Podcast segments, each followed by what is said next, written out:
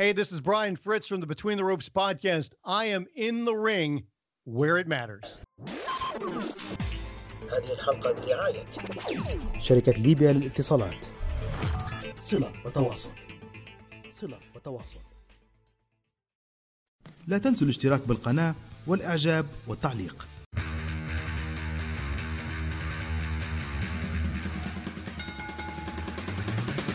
أقوى المواجهات. وأكبر النزالات كلها تجري في مكان واحد في الحلبة.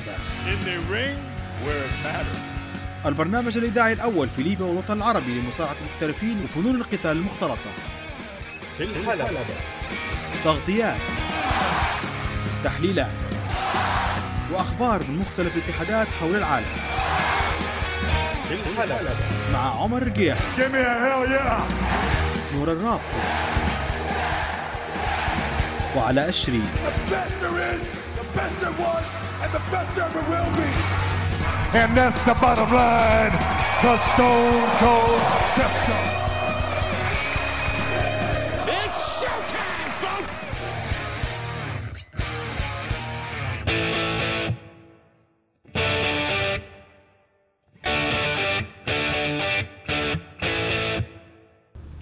الله الرحمن الرحيم. أعزائنا المستمعين في كل مكان السلام عليكم ورحمة الله وبركاته. وكل عام وأنتم بخير. بمناسبة عيد الفطر السعيد عاده الله علينا وعليكم بمزيد من اليمن والبركات. We're back. I'm the prof. علاء الشريف. And I am the maestro Omar Gai. نعم I have no name. نور The good brother. The good brother yes نور and this is في الحلبة In the ring. Where it matters. عدنا لكم اعزائنا بعد إجازة طويلة شوية. هي في الحق ما كانتش إجازة بمعنى إجازة. إحنا كنا آه نقدر نقول عليها أكثر استراحة محاربة. إحنا فترة رمضان آه اشتغلنا هلبة من أجل ان إحنا نطوروا البراند بتاعنا ونحسنوا كثير من الأمور. ولعل اللي يشوفوا فينا الآن في اليوتيوب يلاحظوا آه بعض التغيرات اللي صارت. عندنا لوجو جديد عندنا سم نيو أو عندنا بعض المواقع الجديده في مواقع التواصل الاجتماعي. عندنا الآن انستغرام ال- الفيسبوك بتاعنا أصبح الآن رسميا In The Ring في الحلبة. آه وعندنا وهذه واحدة من الإضافات المهمة SoundCloud channel ونرحبوا بمستمعينا اللي يسمعوا فينا الآن عبر مواقع ومنصات البودكاست. لأن عن طريق ال- ال channel ال SoundCloud بإمكاننا نحن نوصلوا للبودكاست المختلفة فنرحبوا بكم معنا على متن. ال SoundCloud كذلك إحنا موجودين كالعادة على اليوتيوب وفي. مستمعين أيضا يسمعوا فينا عن طريق راديو 96.9 ال Y FM اللي نحيوا القائمين عليها أيضا نحيوهم على الهواء وقت طويل أعزائنا المستمعين ما اجتمعناش فيه مع بعضنا ونور ما شفناش من فترة نور كيف حالك كيف كان شهر. رمضان معك آه تعرف باهي المشي هو الحكاية صقع شوية هيك وباهي مستريحين صقع. تقصد بالعكس ونقول كل سنة وأنتم طيبين. إحنا طبعا للناس اللي تو حلقتنا العيد قداش اليوم تو؟ العيد أسبوع بالضبط. آه، نقول كل سنة وأنتم طيبين. طبعا مشاهدينا المستمعين. و يعني I miss I miss this we miss it we miss it وإن شاء الله مش حننقطع على مستمعينا مرة ثانية ونحاولوا ان إحنا نحافظوا ونستمروا آه، الاستراحة اللي اخذناها في شهر رمضان فعلا يعني لأن من جهة صعب شوي نقدم البرنامج خلال رمضان. أيضا كان زي ما قلنا استراحة محارب حاولنا فيها نحن نطوروا ال brand ونديروا presence جديد لينا بحيث نولوا بصورة أفضل وأجمل. كذلك صديقنا عمر الرقاعي يعني كان ليه نشاط مميز خلال شهر رمضان لعل مشاهدي القنوات التلفزيون الليبية شافوه في برنامج متألق جدا ومميز برنامج الميزان. نعم الميزان الموسم الثاني طبعا هو. عبارة عن برنامج تجارب اجتماعية. الفكرة بتاعها فكرة عالمية. هي ممكن آه، أول مبادرة كانت من برنامج أمريكي كان اسمه What You Do يحطوك في موقف مثلا إنسان يشوفوا شو رده فعلك فحاولنا ندير نسخة ليبية. هذه النسخة الثانية النسخة اللي فاتت درناها السنة الماضية طبعا في رمضان اللي فات. وطبعا الحمد لله آه، قدرنا نوفقنا نديروا 15 حلقة من الموسم الثاني.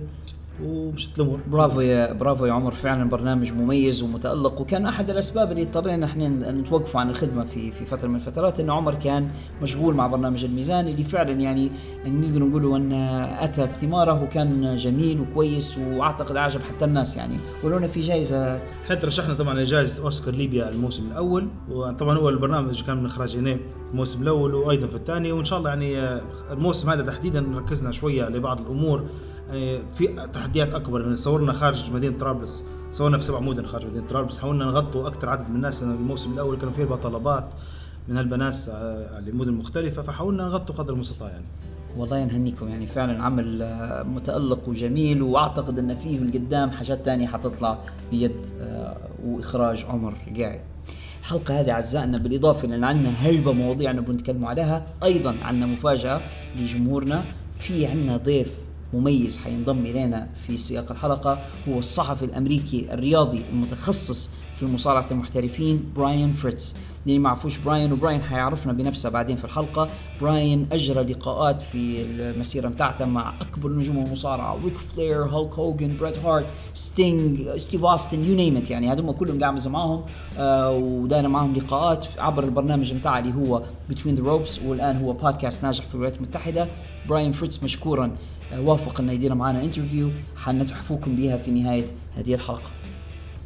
نخش في مواضيعنا يا شباب. يلا let's go الحلقة هذه إحنا فكرنا نقوله the good the bad and the ugly كل اللي فات خلال الكم أسبوع اللي فاتوا في مصارعة المحترفين ونبدو ما أعتقد مع the good وعرض Double or nothing من AEW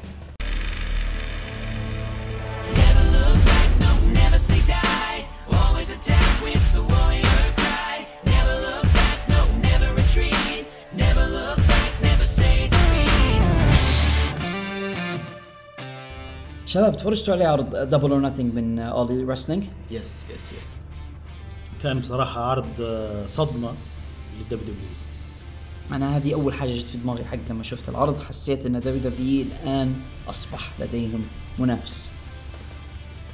إحنا حنبدو تو هيك بال عندي عندي هلبة حاجات تعرف الندوة إحنا لكن- نبغى نسمع. آه أول حاجة خلينا نقول على ال production أنا كانت عندي standard ب- نازل شوية ما كنتش متوقع لكن ال production كان كويس يعني. الحق تصوير يعني فعلا. فكرني بمستوى Impact Wrestling مش دبليو دبليو دبليو دبليو أعتقد ما زال colorful أكثر يعني مجرد حاجة هيك بعيني بس زاهية شوية لكن مش لدرجة WWE لكن قاعد يعني but good enough خلينا ناخذ step back نور من فضلك. نفكروا جمهورنا اللي ربما مش عارفين أو اللي ناسين شن قصة هذه Double or Nothing بالضبط. Double or Nothing عبارة عن آه، عرض pay-per-view أو مشاهدة مقابل الدفع لاتحاد AEW هذا الاتحاد انبثق غير في الفترة الأخيرة بعد عرض All In اللي داروه كودي. The Young Bucks ومعهم كيني اوميجا في شهر تسعة اللي فات. بعدها طلع عرض آه، اتحاد اسمه All Elite Wrestling AEW بتمويل من عائلة the Khans في الولايات المتحدة عائلة كون هم مليارديرية ويملكوا مجموعة من ال franchises ومن الشركات الكبيرة في الولايات المتحدة ووافقوا إن هم يمولوا ال- الاتحاد هذا. والاتحاد أعلن مؤخرا عن أنه حصل حتى ال television deal أو أنه عنده صفقة مع. قناة تلفزيونية TNT اللي هي بتاع تيرنر وهذه أنا بمثابة عودة the Monday Night War لأن نتفكروا أن WCW كانوا موجودين على قنوات تيرنر فالآن AEW حيرجع على تيرنر من جديد وكأن the the war is back يعني قنوات تيرنر عادت لمنافسة فينس مكمان في المصارعة.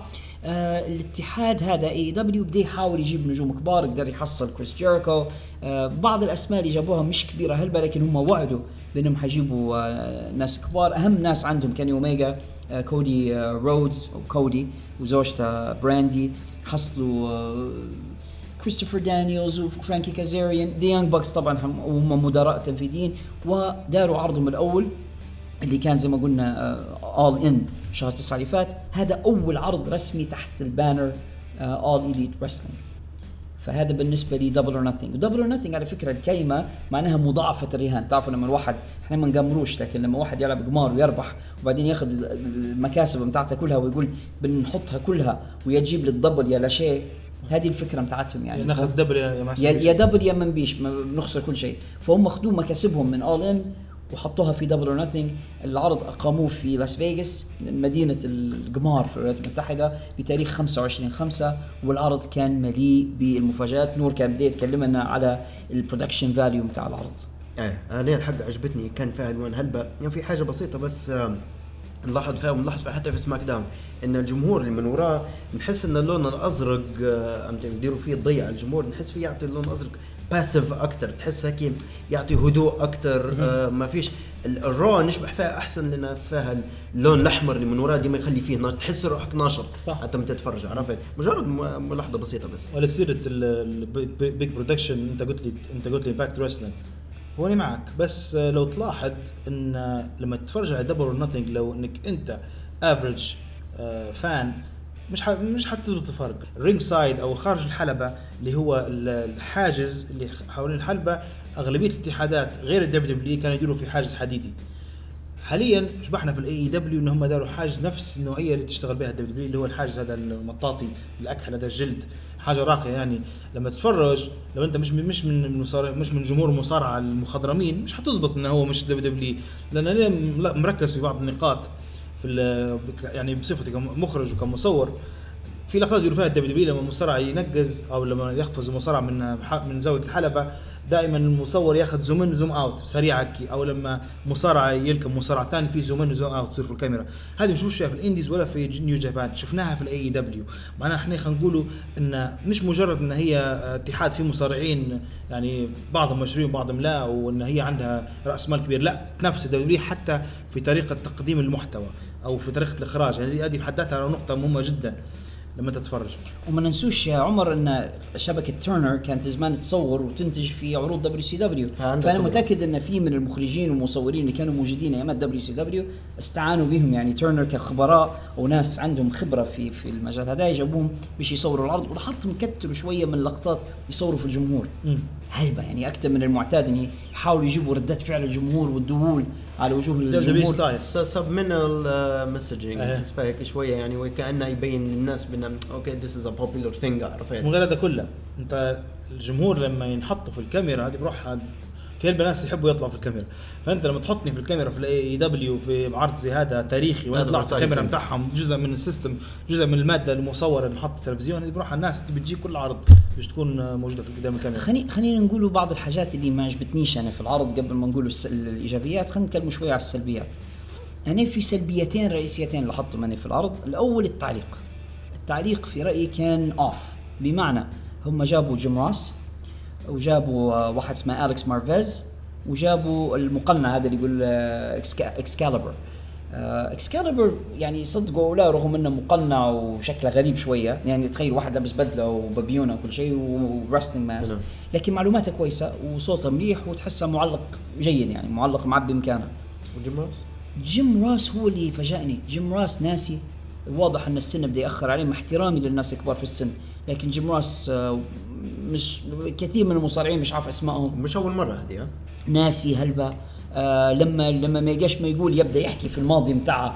هذه reminds me of a match I saw back in 1974 الناس اللي جايين يسمعوا فيك توا ما يبوش يسمعوا مباراتك في ال 74 ولا يبغوا يشوفوا اللي صاير الآن قدامهم. فهو يقعد chatting يحكي على الحاجات القديمة بدل ما يحكي على اللي صاير لما. تهرب عليه في ال في ال present time يرجع الماضي بيتذكرك إنه هو عنده التاريخ خساره هو والله. هو تاريخ جيم راس لكن لكل شيء نهاية. يعني آه، خلاص أعطاه ما عنده.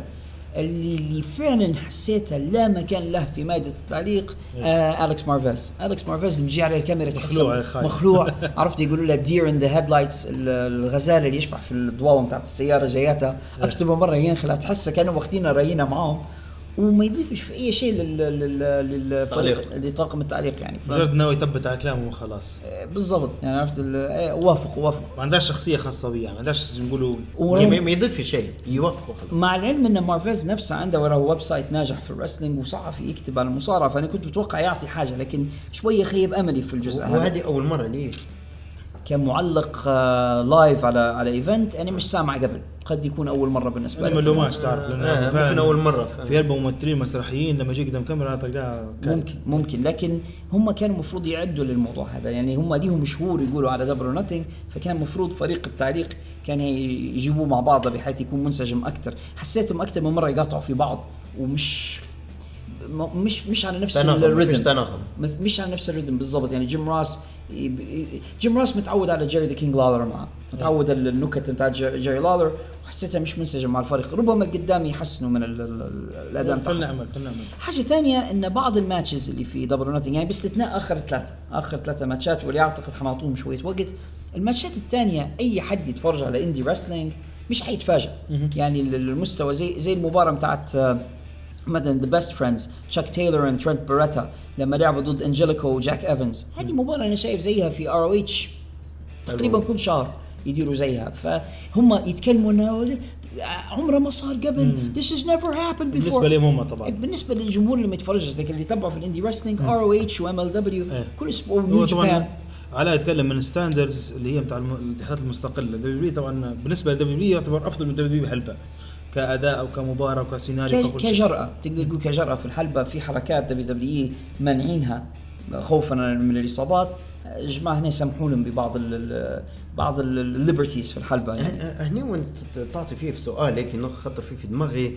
أم، باهي okay يعني يتجرؤوا كذا وكذا ويديروا لكن بعد فترة يعني لو إنك أنت تبي تكون منافس ولفترة طويلة وكذا وكذا بعد فترة مصارعين بينصابوا بي بصير فيها قضايا بيصير فيها يعني بتلقى روحك انت الطريق اللي مشيت فيها WW مشيتها لسبب.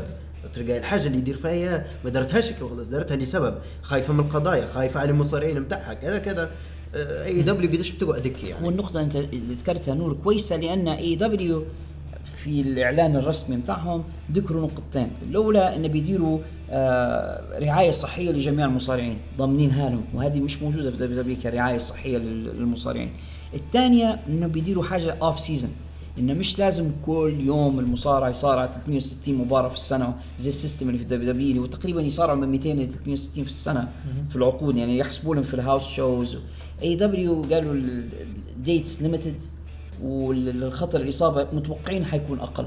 فربما لهذا السبب سامحين للجماعه إنهم يديروا أكثر في الحلبة باعتبار إنهم هم على المدى البعيد ما يصارعوش نفس ال- نفس المدة. هي من للمصارعين حاجة كويسة لكن للعرض نفسه زعما هيك مضرش والله هي في الأول وفي الأخير إحنا ك إحنا ك wrestling fans آه، يعني ماذا بيك أنت حتى صح بتشوف مباراة تستمتع بها لو سواء كان فيها دم أو ضربة كرسي على الرأس أو طيحة على الطاولة في نوع من المتعة في الموضوع لكن في نفس الوقت بتخاف عليهم كبشر ك آه، من الناحيه الإنسانية لما توصل لل level معين ماش يعني تو نعرف إحنا عندنا مش نخش في مواضيع ثانية لكن نعرف إحنا عندنا عينات من الناس خذت bumps على راسها.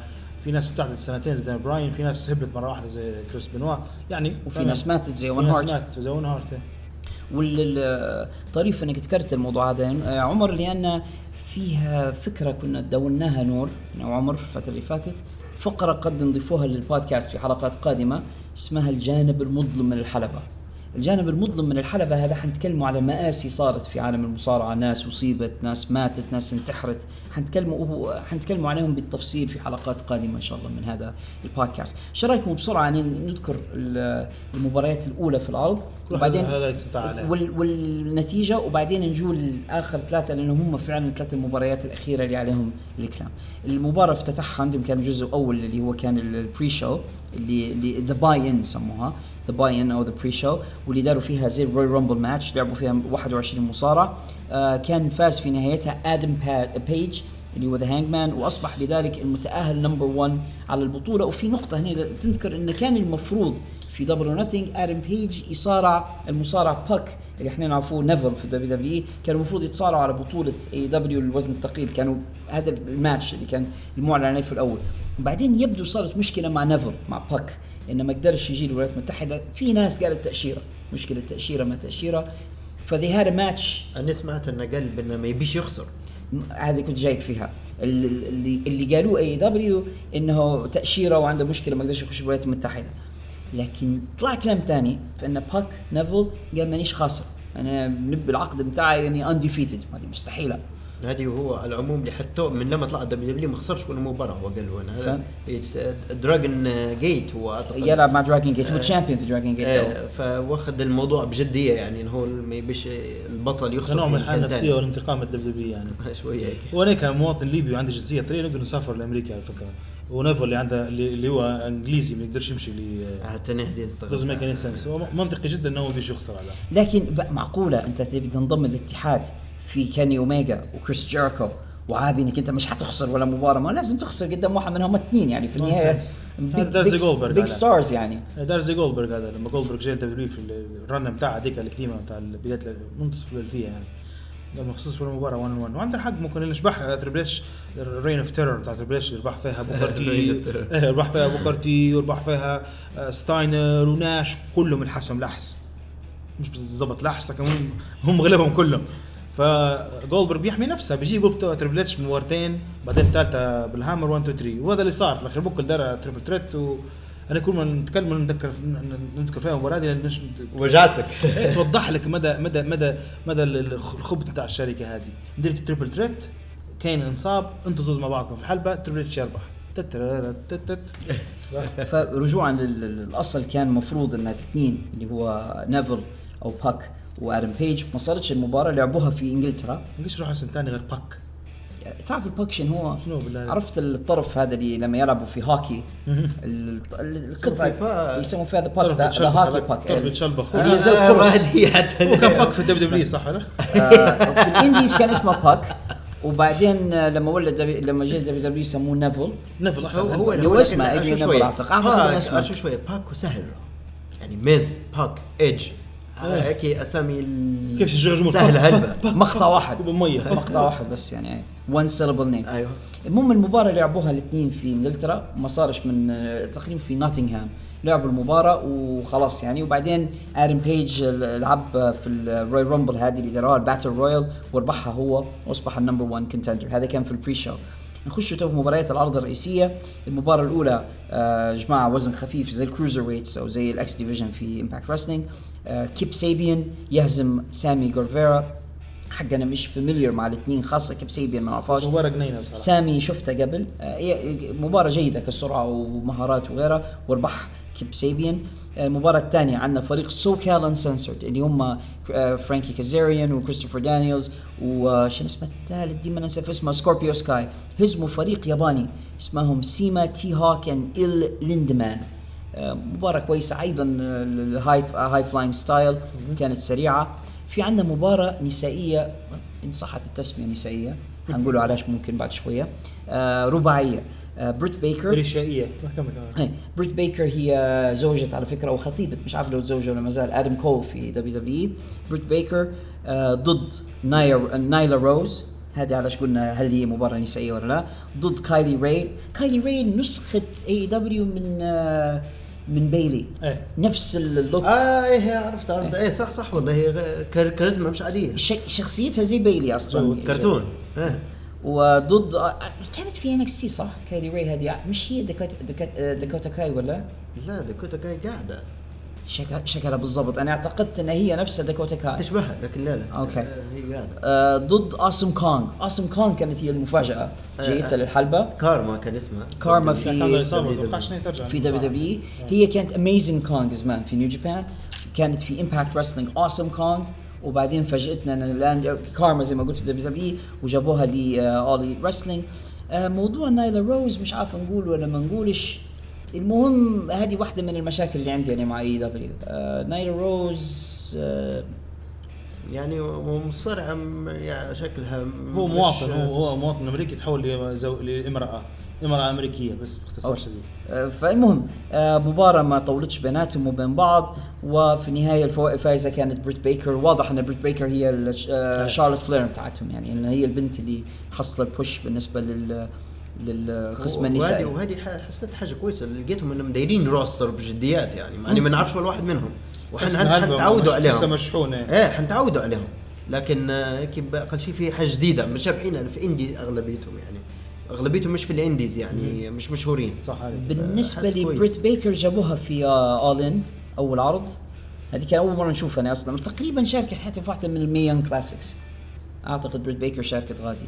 وفي كلام إنهم يبوا تيسا بلانشارد من Impact Wrestling لكن تيسا بلانشارد مربوطة بعقد قوي مع Impact ما أعرفش شنو يصير فيها يعني. بعدين نخشوا على مباراة ثنائية The Best Friends هذا ما أنا شايفهم في ROH زمان تشاك تايلر and ترنت باريتا ضد الفريق المؤلف من انجيليكو and جاك ايفنز انجيليكو أنا شايفه حتى هو لكن ما شفتهاش مع جاك ايفنز جاك ايفنز أنا شايفه. انجيليكو انجيليكو اللي في Lucha Underground اللي في جو Lucha Lucha آه، ground. عجب عجبني هذاك شك شكل اللبسه اللي يجيبها وكذا. عجبني هلبة أيضا مباراة سريعة قوية high style high flying style انتهت بفوز فريق The Best Friends الآن عندنا مباراة سداسية يابانية. يعني ما عرفتش على فكرة علاش فصلوهم برواحهم ال- الستات اليابانيات برواحهم لكن داروا مباراة ستة أنا عندي نساء. ممكن آه، تعليق السبب علاش يعني آه شوف هي كنساء في- عالم المصارعة already عندهم بعض المشاكل في ال connect التواصل مع بعضهم يعني. آه في WW الجمهور يسمعوا فيهم لدرجه we can hear you آه لما بيتكلموا في بعض في بالضبط. فتخيل نساء وواحده يابانية يقول لها شو قطعة؟ ها شو قلتي؟ شو قطعة؟ body slam ولا جاء مصيبة على راسها. ما نعرفش بيعطوا ذاك ال feeling بتاع الانمي ممكن. هل هي المشكلة هذه اللي قلتها تو ال technical problem هذه انه ما فيش connection في الكلام ما يقدروش يعني هي مصارعة رجال أكثر فهمتني؟ ففي تجاوب مع الرجال أكثر بس تعرف يا نور الثلاثه ذكروني بآيو شيراي وعرفت ال ال- ال- كايري سين. كايري سين. تقول و- و- و- و- وآسكا. تحسك يا كو- كو- cookie cutter. عارف بتاع نسختنا من آسكا نسختنا من ايو شيراي نسختنا من هيك يعني واضحة كانت. اللي هي هيكارو شيدا. يعني هيكارو اللي تفكر فيها في رسوم جراندايزر. هيكارو شيدا ريو ريو ميزونامي. هذول الثلاثة ضد آجا كونغ يوكا ساكازاي وايمي ساكورا وأنا ديما عندي مشاكل مع ساكورا. ساكورا ساكورا ثقافه المهم انتهى الموضوع بفوز الفريق الأول على الفريق الثاني هذول اللي تكلمنا عليهم كلهم كوم والثلاثة مباريات الجاية يكون بروحهم وهذا على فكرة في إليت توا الجماعة اللي هم أصلا الاتحاد انقام على على خطر تقدر تقول بان هذا ال pay-per-view بدا هنا ال pay-per-view الحقيقي فعلا بده هنا اول مباراه من الثلاثه القوا كودي ومع زوجته براندي رودز ضد خوه داستن رودز.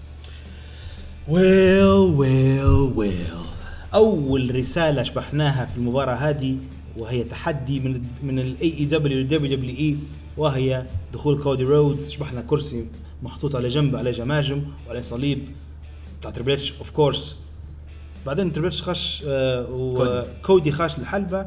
براندي جبدت مطرقة من آه تحت الحلبة وسلمتها لكودي واتجاه كودي لل ونفس نوع مطرقة نفس Triple نوع H مطرقة Triple H Sledgehammer. كودي للكرسي واخذ المطرقة وأعطاه خبطة. طبعا آه، عجبني في الموضوع إن ما كانتش عشوائية الخبطة. كانت كان. ما- مش مش على قصة رسالة نقصد إن technically استخدموا تقنية يقولها ال animatronics ال animatronics إنك أنت مثلا بتكسر حاجة بتتكسر بطريقة معينة سينمائية. فحتى لما تكسر كرسي ما تكسرش بتاع قاعد يخبط فيه. لا هو خبط خبطة دخان وقال لك كسر منه جزء وطاح منه جزء. يعني حتى تشبحها حلوة حلوة بجديات. وهذه كانت رسالة واضحة يا Triple H لقد قمنا بهزه عرشي يا Triple H وعلى فكرة في بعد ال show في أول حلقة من Being The Elite اللي يديروا فيها على اليوتيوب وروا كيف ال- ال- ال- البروفات ل- لعملية الكرسي. يعني الموضوع كان مقصود ومدبر. يعني إن هم ناويين رسالة معينة بيقولوها إن كودي رودز ياخذ المطرقة بتاعته ويدمر عرش Triple H. هذه الرسالة اللي كانوا بيقولوها. وزيادة إن لقطة كودي هو شاد المطرقة داروا منها حتى تيشيرت على فكرة. داروا تيشيرت كودي شاد مطرقة هيك و- يعني مسمينه تقريبا the throne breaker تو. إيه، تو مش Throne مش Breaker. سيث رولنز king the slayer king slayer هو مسمينه the throne breaker محطم العروش. إيه. ف في reference ل Game of Thrones هو طبعا لكن في الوقت هم داروا لقطة حلوة بصراحة. طبعا. خلينا نخش في قصة المباراة يا إن. الشقيقان آه، داستن اللي هو الابن الأكبر لداستي رودز وبعدين اخوه اللي أصغر منه هذا كودي بيناتهم حوالي 17 سنة. آه وفي ال real life مش في بس في ال story line داستي رودز الأسطورة الراحل كان متزوج من امرأة قبل وجاب منها داستن وبعدين سيب زوجته الأولى وتزوج ثاني وعنده عائله جديدة منها آه كودي فديما داستن كان يحس إن أبوه تخلى عليه وسيبه. وتربى على فكرة داستن رودز عنده عقدة. مشاكل مع أبوه. مع أبوه وعنده عنده مشكلة نفسية دفينة بسبب الموضوع هذا. فالآن طلعوها في ال story هذه. إن الأخ الصغير قاعد يقول اخوه الكبير حول من الطريق آه، دوري أنا الآن. والأخ الأكبر قاعد يقول ما زال عندي يعني زي ما تقول more in me. عندي مقدمة. ما زال عندي حاجة نديرها. القصة ك story line يا شباب مؤثرة جدا يعني و- و- ودي- ولاحظوا إن راهم ما عندهمش آه، عرض تلفزيوني. يعني كل ال build up كان على اليوتيوب ووسائل التواصل الاجتماعي. مقاطع. إيه. هذا يجيب فيديو من هنا هذا وعلى سيرة اليوتيوب مقاطع لا ما ننسوش بأن ال- الشخص اللي قام بعملية ال editing واللي اختار موسيقى اللي اختار الموسيقى اللي داروها في المونتاج كان تقريبا قلت لي يشتغل في ال WW صار. آه ديفيد صهادي. ديفيد صهادي كان يشتغل ال- ال graphics وال وال وال videos ل WWE زمان وبعدين اشتغل شوية مع Impact Wrestling وتو هو في All Elite فعلا بشوف برومو تحس إنه فيك دبليو دبليو فيل إحنا تكلمنا على بداية العرض ونسينا نقطة مهمة. ما تكلمناش عن المذيع. عندنا نسينا نتكلم هو جاستن روبرتس. آه اللي ينادي قصدك على. المعلن قصدك اللي ينادي على المباريات. إيه. آه جابوه من WWE جاستن روبرتس هذا أنا تعرف أول ما شبحت هذاك قلت alright this is real this is real. ب- يعني بجديات انه هي فيه فيه فيه هيبة في الموضوع. جاستن روبرتس موجود يعني. رجل. جاستن روبرتس أنا نقول لكم حاجة بكل صراحة باهي. ما حبيتهاش منهم. علاش؟ لأن أنت قصدي الحلبة شكلها WW الفنس شكلها دبليو دبليو الانترو شكلها دبليو حتى المذيع بتاع دبليو دبليو ونفس اسلوبه هو بتاع وجيم روس. ما جيم روس، أقول come حاجة بس. حتى ال WCW كانت يعني نوعا ما يعني الحلبه كانت زي دبليو خليني من دبليو كانت- دبليو تو خليني من دبليو دبليو. نحكي أنت هو السنين دي كلها اللي مرت علينا من غير اتحادات منافسة قوية أو ما تبدا تاخذ لي مذيعهم من معلقهم ومذيعهم. أوكي كويس يداروا ما عنديش اعتراض لكن أنا لما اتفرج جاني ذاك جتني الهوية بتاع دبليو دبليو في الشو هذا على فكرة كمان. Well الفكرة كانت انهم هم يبوا يحاولوا يجيبوا الجمهور بتاع WW اللي هو متعود على الصورة بتاع WW آه. مشكلة هلبة آه. مص... آه. هلبة ده من ال wrestling نحكي عليه. fans وأعتقد حتى نور عندها المشكلة هذه انه لما نور، يتفرج على نور، ال indies. إيه، لما يتفرج على ال indies وما يحصلش نفس ال quality اللي متعود عليه في WW طلع النيل ما عادش يحب يتفرج هذا عندنا مش عندنا حتى أنت عندك نفس نور. بالعكس نور هو اللي يحب يتفرج على ال indies وال New Japan واحد. أنا لما اتفرج أقول لأن نشبه نشبح الموضوع من ناحية فنية New Japan ال logo اللي هذا رزنا عليه الفترة اللي فاتت. ما تحس إنه مش في المستوى مش مش يعني لوجو تقول له تحك الطن فاهم وحاطينه على أساس لعرض بتاع شباب. ما علينا. نكملوا مع كودي وداستن. فايش رأيكم يا شباب في المباراة نفسها؟ كتكنيك داخل الحلبه it was brutal كانت مباراة دموية يعني بمعنى الكلمة دار مش- دوش بالدم بمعنى الكلمة دار بيه دوش الدم. دار دوش بدم خوب. إيه. هذه ال- الرسالة المش عادية اللي وصلتني. أنا أرى على العموم نختبر في المرات أنتم نفتح في المصارعة. ويكون معي أصحابي وكذا. أصحابي مش هل بيتبعوا في المصارعة. فأول ما نشبع حد فيهم هيك انجذب شبح وقعد يتبع هيك ويشبع معناها إن هذه فيها حاجة يعني ابيل تو ذا يعني آه، الناس اللي ما يفهموش في المصارعة تعجبهم الحاجة. عرفت؟ الجمهور ال- العادي يعني عرفت؟ فاللي شبحته بأن ما دوروش في البداية أو عندي زوج اصحاب ما دوروش في البداية لكن لقيت مباراه داستي رودز تفرجوا عليها من البداية للنهاية أو بداية بس فاتوها شوية وبعدها كملوا تفرجوها للنهايه من لما بدا الدم يطلع. إيه من لما بدا الدم يطلع فعلا هذاك وين عمر أنت اللي فينا اللي خبير في التكنيكال moves والحاجات. إيش رأيك في أداء داستن رودز في سنة هذا؟ داستن رودز أنا كان عاجبني من حوالي سنتين من حوالي عودته الأخيرة بعد release آه لاحظت يدير هلبة حركات حلوة يعني عنده ال... عنده ال backflip يدير فيها من آه مش هي roll up يدير فيها من حاشيه الحلبة اللي برا في سنة هو هو في 50 تق- أعتقد. يعني في حركات إنك أنت تحط جسمك على المحك هذه ما هيش سهلة. يعني تو ال backflip لو درتها أنت وأنت young younger شاب درت backflip برا تلقاك واحد تحت ركبتك. عادي ألم شوي يمشي. واحد كبير في العمر مؤثرة. اللي صار في المباراة هذه بصراحة أنا نسيت عمر آه، داستن. نسيت عمر داستن. أنت دماغك مفتوح وتاخذ فوق suplex من الثالث من الحبل الثالث وأنت دماغك يصب في الدم. يعني أنت تطيح هذيك ال bump بيجي يطلع دم. يعني اللي شبحته من داستن هو هو سبب ظهوره باسمه وحتى في البرومو قاعد خذ القناع بتاع جولددست حطه في bag وسكر عليه أساسا هذا الماضي. هو الماضي اللي هو أصلا ما عادش عنده غيره يعني هو ممكن ممكن عنده مباراة ثانية وانتهى الأمر يعني بالنسبة لداستن. لكن اللي هو حطه في المباراة هذه بجديات حب يطلع أخوه في صورة مليحة. قال لك هذا اتحاد جديد وليتس جو يعني نحط في نطلع أخوي في صورة جنينه يعني خو يعني الزوز لعبه كويس. جولدست اللي كنا نعرفوه قبل مش نفسها داستن. ورانا شيء شيء ثاني مختلف نهائيا. صح داروا بعض ال references داستن قاعد يدير في ال- آه، آه، كودي قاعد يدير في لق- دار لقطه بتاع ستارداست ستارداست في نفس الوقت جولددست نزل له. يعني داروا شوية references للماضي بتاعهم. على أساس نحن we're moving on اثناء المباراه وتشوفوا تشوفوا نهاية المباراه بعد ما كملوا المباراه أنا مش من نص نهايتها أنا كنت معطيكم مساحة تتكلموا technically one of the best matches I have I've seen for a long time. آه، ديف ميلتزر أعطاها خمسة من خمسة بالنسبة لي آه، بالنسبة فعلاً. للعرض. وأعتقد إن أنا موافقة فيها يستاهلوا خمسة من خمسة. وحاليا لحد الآن match the year بالنسبة لي أنا. يعني لو ما طلعتش حاجة أقوى منها ممكن لما نديروا حلقة السنة الجديدة حتكون هذه match the year بالنسبة لي يعني من الآن. يعني early match the year candidate مباراة كودي وداستن رودز. آه، داستن عجبني أنا ولا الاسم القديم the natural يعني داستن the natural داستن رودز متخلي على ال identity بتاع جولددست تماما. مداير الزواج نص وجهها بس مش وجهها كامل ال- ال- الميك اب بتاعها أحمر مش مش gold وحق يعني كان كان حاجة إبداع. كودي فاجأني فعلا إن أداءه في الحلبة كان غير عادي. يعني أعتقد فوق على نفسه. قبل مبارياتها يعني hit miss في مباريات كويسة في مباريات لا. المرة هذه كان إبداع بمعنى الكلمة. في حركة داروها مع بعض عجبتني لما داروا double clothesline إيه. لما اثنين في تلاقوا في الهواء وطاحوا it was amazing يعني إيه. كيف لفوا لفة كاملة. إيه. 180 درجة في الحلبة لما لما ضربوا بعضهم.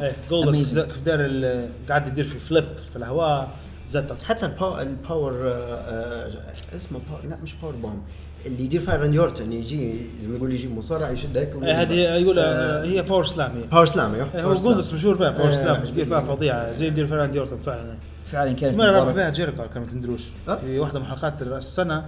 إيه ربح بها جيريكو. الحركة هذه وداروها على أساس كأنها آه، رأس السنة على أساس الميركلز واحد. فربح أتذكر فيها. وحيكون لينا بعد شوية وقفة مع كريس جيريكو yep. عموما كانت مباراة رائعة جدا وصعبوا على الجماعة اللي بيجوا بوا- يجوا بعضهم كيف إنهم يتفوقوا على المباراة هذه اللي آه، بعدها شو صار بعد المباراة برومو اللي بعد المباراة آه لما تصالحوا تقصد آه. بعد المباراة نقول آه كيف انتهت المباراة إحنا أعطينا ال finish يا عمر ال finish طبعا شبحنا يعني وصف كودي. الو- المكان الأول وصف. المنظر إيه المنظر طبعا خلينا نقول هي إحنا الحلبة عبارة عن عبارة الأرضية بتاع الحلبة تقريبا كان لونها أحمر. شاصي ولا أحمر باهي آه، آه، داستن دار دوش لاخوه بالدم بتاعه يعني آه، كودي حتى. شعره. كودي كله دم وشعره جسمه آه، كله دم الراجل يعني هذا قلت يعني هذا مرات الله تصير حاجة يعني إيه. ل- الإنسان عنده خمسه إيه. نزيف عنده خمسة. إيه،. نزيف الإنسان عنده خمسة حاجة. لتر من الدم بجسمه أعتقد إنه خسر قريب نص لتر هذا هلبة على كل حال المباراة تمت طبعا بال finisher بتاع كودي المعروفة آه، بعد ما دار ال finisher 1 2 3 وتمت المباراة وكان جولدست بيطلع أو جولدست دست آه، دستن كان بيطلع محلبة آه، جاء كودي قال له أنت مش مش حنسمح لك إنك أنت تعتزل هي كانت يفترض إن تكون مباراة الاعتزال الخاصة بدستن وكانت آه، منافسة على ال WWE أساس ان هذه نهاية ال Attitude Era. الفترة اللي WWE كانت فيها دم ومش عارف شنو وعنف. فنهاية المباراة كودي قال أنا ما نبيش ما نبيش مصارع يعني أنا حاجة قال مش حنسمح لك تعتزل ما زلنا بنلعب معاك مباراة ثنائية. أنا وأنت ما نبيش معي مصارع ما نبيش I don't want a wrestler I don't friend I want brother نبي أخ يلعب معك. و... وعلى أساس ان ان إن كودي ودستن حيلعبوا ضد Young Bucks في العرض القادم من AEW مش المباراة اللي بعدها. المباراة اللي بعدها The Young Bucks اللي هم مات جاكسون ونيك جاكسون ضد فريق ال Lucha Brothers يعني شقيقان ضد شقيقين. والميزة إن هذول اخوت حقه يعني مش زي اندرتيكر وكين آه kayfabe brothers لا real brothers يعني ايج وكريستيان ولا ايج وكريستيان هم مش خوت بالفعل. خوت. ايج مش خوت بعدين بعدين هم هم لا هم قصدي لا هم عرفهم في الأصل مش اخوات لكن ال kayfabe they said كانوا اخوه لما ربح لما ربح لما كريستيان ربح الورد تايتل آه، مش عارف من كان في معلق أعتقد إنه كان جيم راس يقول هيز فريند هيز فريند قصدي لما ضربه على راسه بالكرسي زمان و... وقلب عليه. هيز براذر براذر فيرسس براذر تو له فريندز يعني شنو قصده بالعكس. يعني- ناس من اصحاب لا لا. في ستوري لاين brothers. براذرز هذه اصحاب زمان من الصحبه يقول له أخوت. مش من أخوت يقول له أصحاب. ما علينا مش مشكلة. دبليو دبليو حتى هي. فالفريق The Young Bucks نعرفوهم. فريق سريع آه، في حركات combination moves غير عادية خاصة ال- ال- الهوائيات. مجنونيه مباراة. و The Lucha Brothers يعني في السنتين اللي فاتوا خاصة السنة اللي فاتت 2018 أبانوا عن مستوى غير عادي ك ك luchadors وكحركات هوائية وانسجام غير عادي. ففعلا هم ندان لبعضهما. آه، شفتوا أنتم المباراة؟ قولوا لنا رأيكم. okay أنا حاجة Young Bucks بكل صراحة. قاعدين سبب قاعدة مع بعضهم أعتقد نعرف ليش اللي بيكونوا the greatest tag teams in the history of تصوروا يا شباب إن هم قاعدين يخترعوا حركات جديدة ثنائية. كل مباراة تو المباراه دي تحديدا ترى يمكن ثلاثة new moves هم يديروا inventing ل new moves لحركات ثنائية. بصراحة يعجبوني زي Heavy Machinery حتى ما عندهم الجو هذا عاجبني. واحد يلوح الثاني الثاني يشده. هذوك بال heavyweight أما بال يعني high flyer واحد ال Young Bucks تعود عليهم دمويين تعود- لكن في المباراة هذه كانت مباراة technical high flyer مباراة لك روعة. أفضلية كانت لل Lucha Brothers إن ال Lucha Brothers لاعبين قبل المباراة هذه بس بيومين كانوا لاعبين مباراة somewhere ال Young Bucks السنة هذه كلها 2019 لعبوا مباراة واحدة بس قبل المباراة هذه. يعني ليهم تشوفوا في سنة 2019 لاعبين راست مباراة واحدة. فالمفروض في رينج راست في إنهم هم تعبانين أو مصديين شوية. مع هذا قدموا اداء فوق ال- فوق العادي فوق فوق العادة. يعني شيء آه، مذهل بصراحة. خاصة انهم يعني شباب محترمين يعني من النوعية المحترمة. يعني يعتبروا آه، متمسكين بدينهم شوي يعني ناس محترمة يعني مش بتاع متدينين بديانتهم هم. يعجبني يعجبني الشيء هذا فيهم الموظف بصراحة.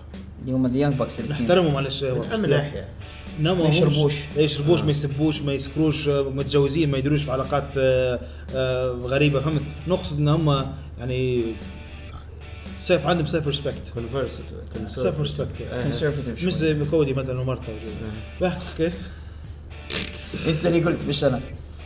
آه كانت مباراة ممتازة. انتهت بفوز فريق The Young Bucks وعلى فكرة المباراة كانت على بطولة Triple A للألقاب الثنائية اللي هي Triple A الاتحاد المكسيكي آه. مشوا The Young Bucks للمكسيك وخذوا اللقب غادي من The Lucha من The Lucha Brothers وحاولوا Lucha Brothers يجوهم في Double or Nothing باش ياخذوه منهم لكن ما زالوا The Young Bucks أبطال ال tag teams آه في Triple A عندي انتقاد بسيط آه، في ال AEW زعما بي- بيقعدوا يديروا هذا جو ال indies جماعة ال indies يبدوا يجيبوا فيهم ولا بي- بيبدوا يعطوا فيهم عقود حصرية؟ بالنسبة لل Lucha Brothers موقعين مع مع آه، إن شاء الله تكون حصرية لأن ما نبيهمش ما نبيش قصدي نبي roster خاص بال AEW انت بتتفرج على WWE ما نعرفه من حتى نبي أنا اللي عاجبني في ال WWE في النقطة هذه إن في المصارعين تلقاهم ديما قدامك مش جيت تفتح مثلا آه، Impact مكون الأسبوع ده زي مصارع جديد ودار تحس مش مدور. تحس إن العالم.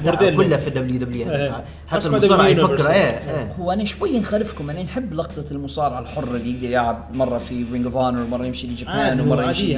لكن آه الواقع انهم هم حيثبتوا راستر يعني المعلومة اللي عندي إنه مع شهر 10 لما عرضهم التلفزيوني المفروض ينطلق. خلاص بيثبتوا ال roster ومش حيسمحوا بهلبة خروجات على الأقل هذا اللي أعلنوا عليه لحد الآن يعني مباراة كويسة انتهت بفوز قلنا The Young Bucks واحتفاظهما بلقب AEW Triple A آسف للفرق الثنائية وما زال AEW ما أعلنوش على حزام الفرق الثنائية لكن في حزام ثاني أعلنوا عليه حزام رائع في الحقيقة the AEW World Heavyweight Championship واللي جاي واحد شخصيا أنا من آه، أساطيري المفضلين في المصارعة بريت the Hitman هارت جاي وكان شايل الحزام في كيس خش بيه للحلبة أخرج الحزام حزام رائع.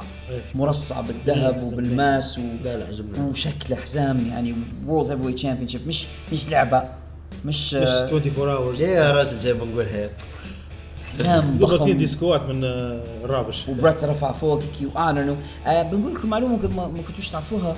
ما كانش يفترض إن بريت هو اللي يجي آه يعلن عن الحزام هم كانوا يبغوا ريك فلير وكان الاتفاق وهذه الغريبة ريك فلير اللي هو يعني لا مرافقة مع دبليو دبليو وبنته عندها بوش وكل شيء و...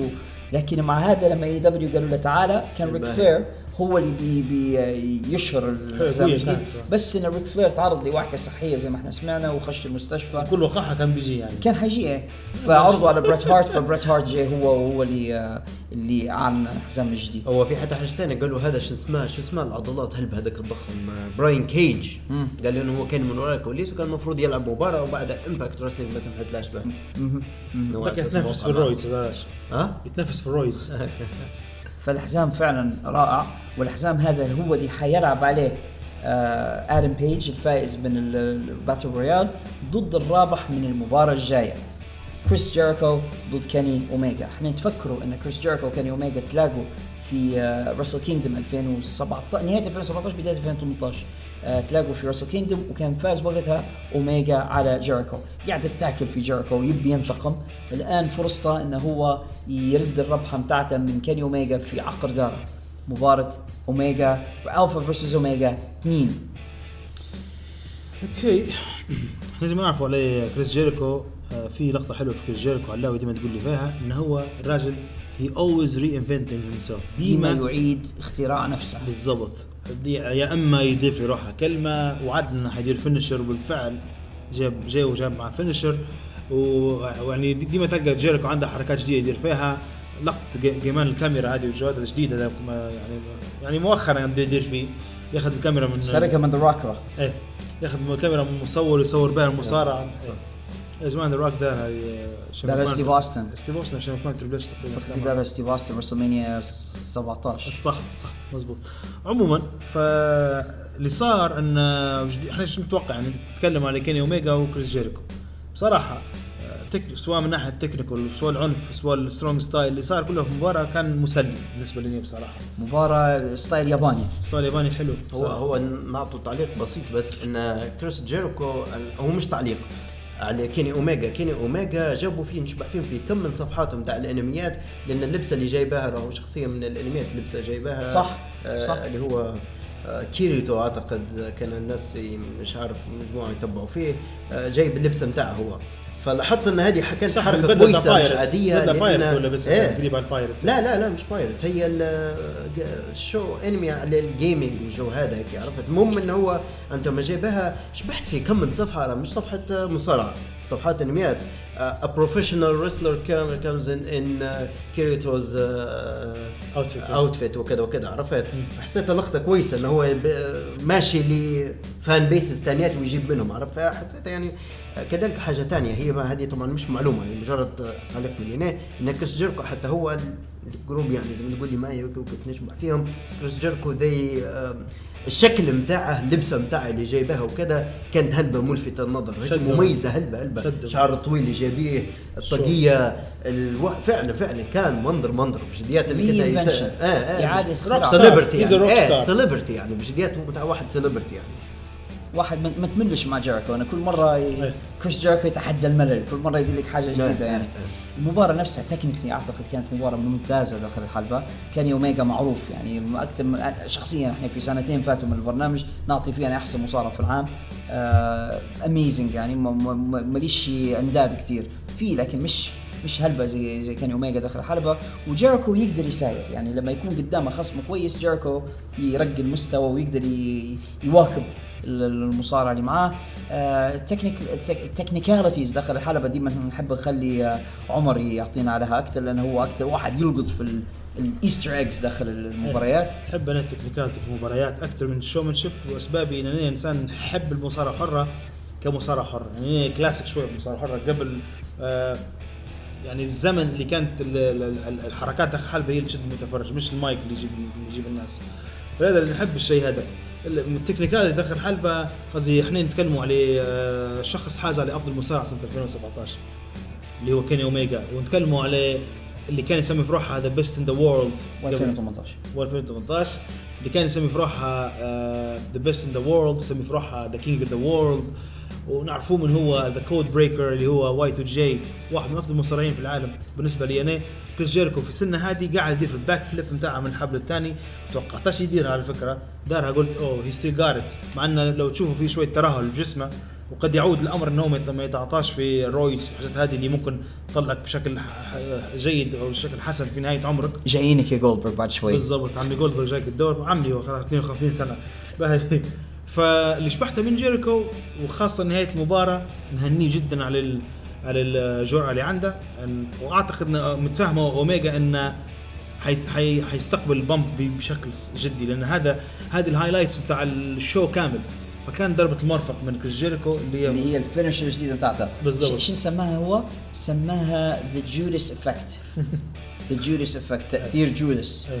آه هي ضربة بسيطة جدا مجرد إنه مرفق خلفية هو واقف. هو واقف استوكي آه يقدم خطوتين ويدير دوره ويضرب بالمرفق بتاعها على خش... على وجه خصمه طبعا حسيتها عبيطة شوي هي بسيطة. هي بسيطة, بسيطة. لكن على فكرة لما دارها لأوميجا رن- بالحق كان يعني شيني لما لها إعادة أكثر مرة. مقصودة أوميجا مستعد يبي يبي ياكل البومب تكسر خشمة ما تكسرش. مم اي دبليو في ذاك اليوم تطلع الدبل ناتنج بالفعل دبل ناتنج يرك له واحدة على خشمه بالمرفق بتاعها أوميجا خشمة دم طحلوطة 1 2 3 ما توقعش أصلا تنتهي. المباراة كلين جيريكو. توقعتهاش. لكن أنا جيريكو هيل كان جيريكو بعد آه، انتهاء المباراة يطلب أو قبلها في ال social media دليل هلبة على أساس ان جيريكو يتجمل عليهم إنه هو سبب آه، سبب شهرة. شهرة الاتحاد. هذا وهو جاب هذا وجاب كذا وجاب كذا. طبعا تم العرض وجيريكو خذ المايك وي- ويطالب بإن الناس يقول له شكرا يا جيريكو. اللقطه اللي شبحناها زمان مع كيرت أنجل بعد انتهاء ال invasion واحد. على كل حال في ذيك اللحظة مباركة.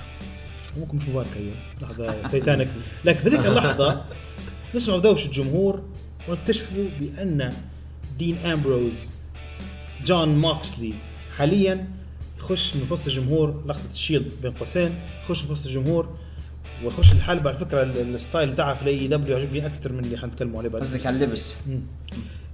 خش الحلبة وكان لابس سروال آه، مخ واضح انه هو ال gear بتاعها في ال AEW خش الحلبة واستقبل جيريكو بالديرتي ديتس بتاعها في الديرتي بتاعها الحركة القاضية هذه اللي آه، استوحاها من آه، ميك فولي وقبلها طبعا جا- جاك سنيك.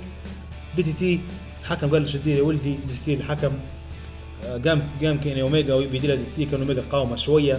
آه، صار في نوع من المقاومة من كانوا اوميجا خرجوا خارج الحلبة وصلوا آه، وصلوا للستي زي ما نقولوا بدايه المسرح. مسرح المدخل بتاع الحلبة وصلوا غادي. كان في ديكور ديكور دارتها دارتها الشركة اللي هو عبارة عن اقراص هذه بتاع المقامرة. فركب هو اوميجا فوق الأقراص دار له تي بتاعها وآخر لقطه قامه ودار له الحركة اللي بيقولها AA ولا اللي هو. حدفة طاح آه، لاحظت انه طاح على ارضيه زجاجية على فكره مش أو بلاستيكية لأن تحس فيها reflection يعني حذف أوميجا على هذه. على هذه الأرضية واوميجا أصبح محطم آخر إنسان يظهر في اتحاد ال AEW في الكاميرا بتاعها اللي هو طبعا جون موكسلي اللي أصلا already كان داير hype لروحه كان داير trailer لنفسه. نفكروا جمهورنا في الحلقة آخر حلقة نديروها قبل العيد. إن كنا تكلمنا على ظاهرة جون ماكسلي وين ماشي وهل هو بيقعد في WWE ولا ماشي ل AEW الفيديو اللي داره هذا الغامض اللي كان وقتها تفسير كان فعلا هو ماشي ل AEW زي ما شفنا. و by the way. من من الناحيه التقنية آه، هو صوره بكاميرا Red. اللي هي Red Dragon اللي هي تقصد الإعلان اللي داره. إيه الإعلان صوره بكاميرا Red اللي صو- مصورين بها Lord Rings سابقا.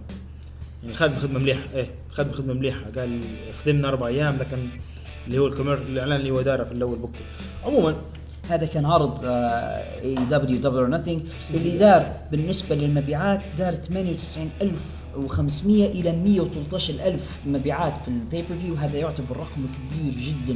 في الولايات المتحده لأن التذاكر ثمن العرض يا جماعة اللي بيتفرج في الحوش 60 60 دولار. فتخيلوا يعني لو كل شخص من ال 98000 أو 100000 دافعين 60 دولار يعني خش عليهم آه، مبلغ جيد جدا. ولاحظوا انه ما عندهاش any television promotion يعني كل ال build up وكل المبيعات كانت تمت عن طريق ال social media و word of mouth مفيش دعايات بكرة. ما فيش إعلانات ما عندهمش برنامج تلفزيوني يدير لهم في build up ففعلا تعتبر راهي صيحة آه، إنجاز إنجاز. صيحة تحذير كبيرة لل WW تاع wake up.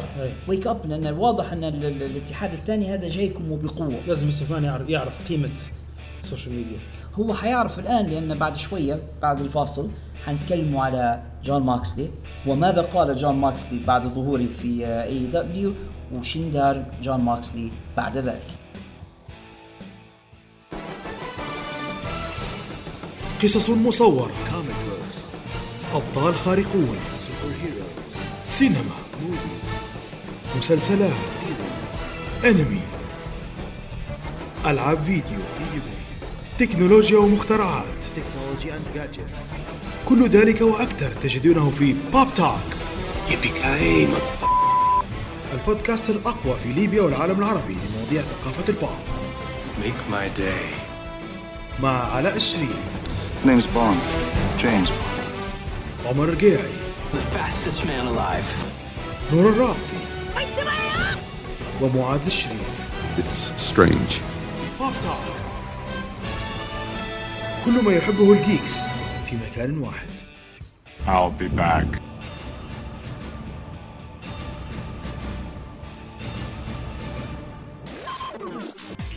هذه الحلقة برعاية.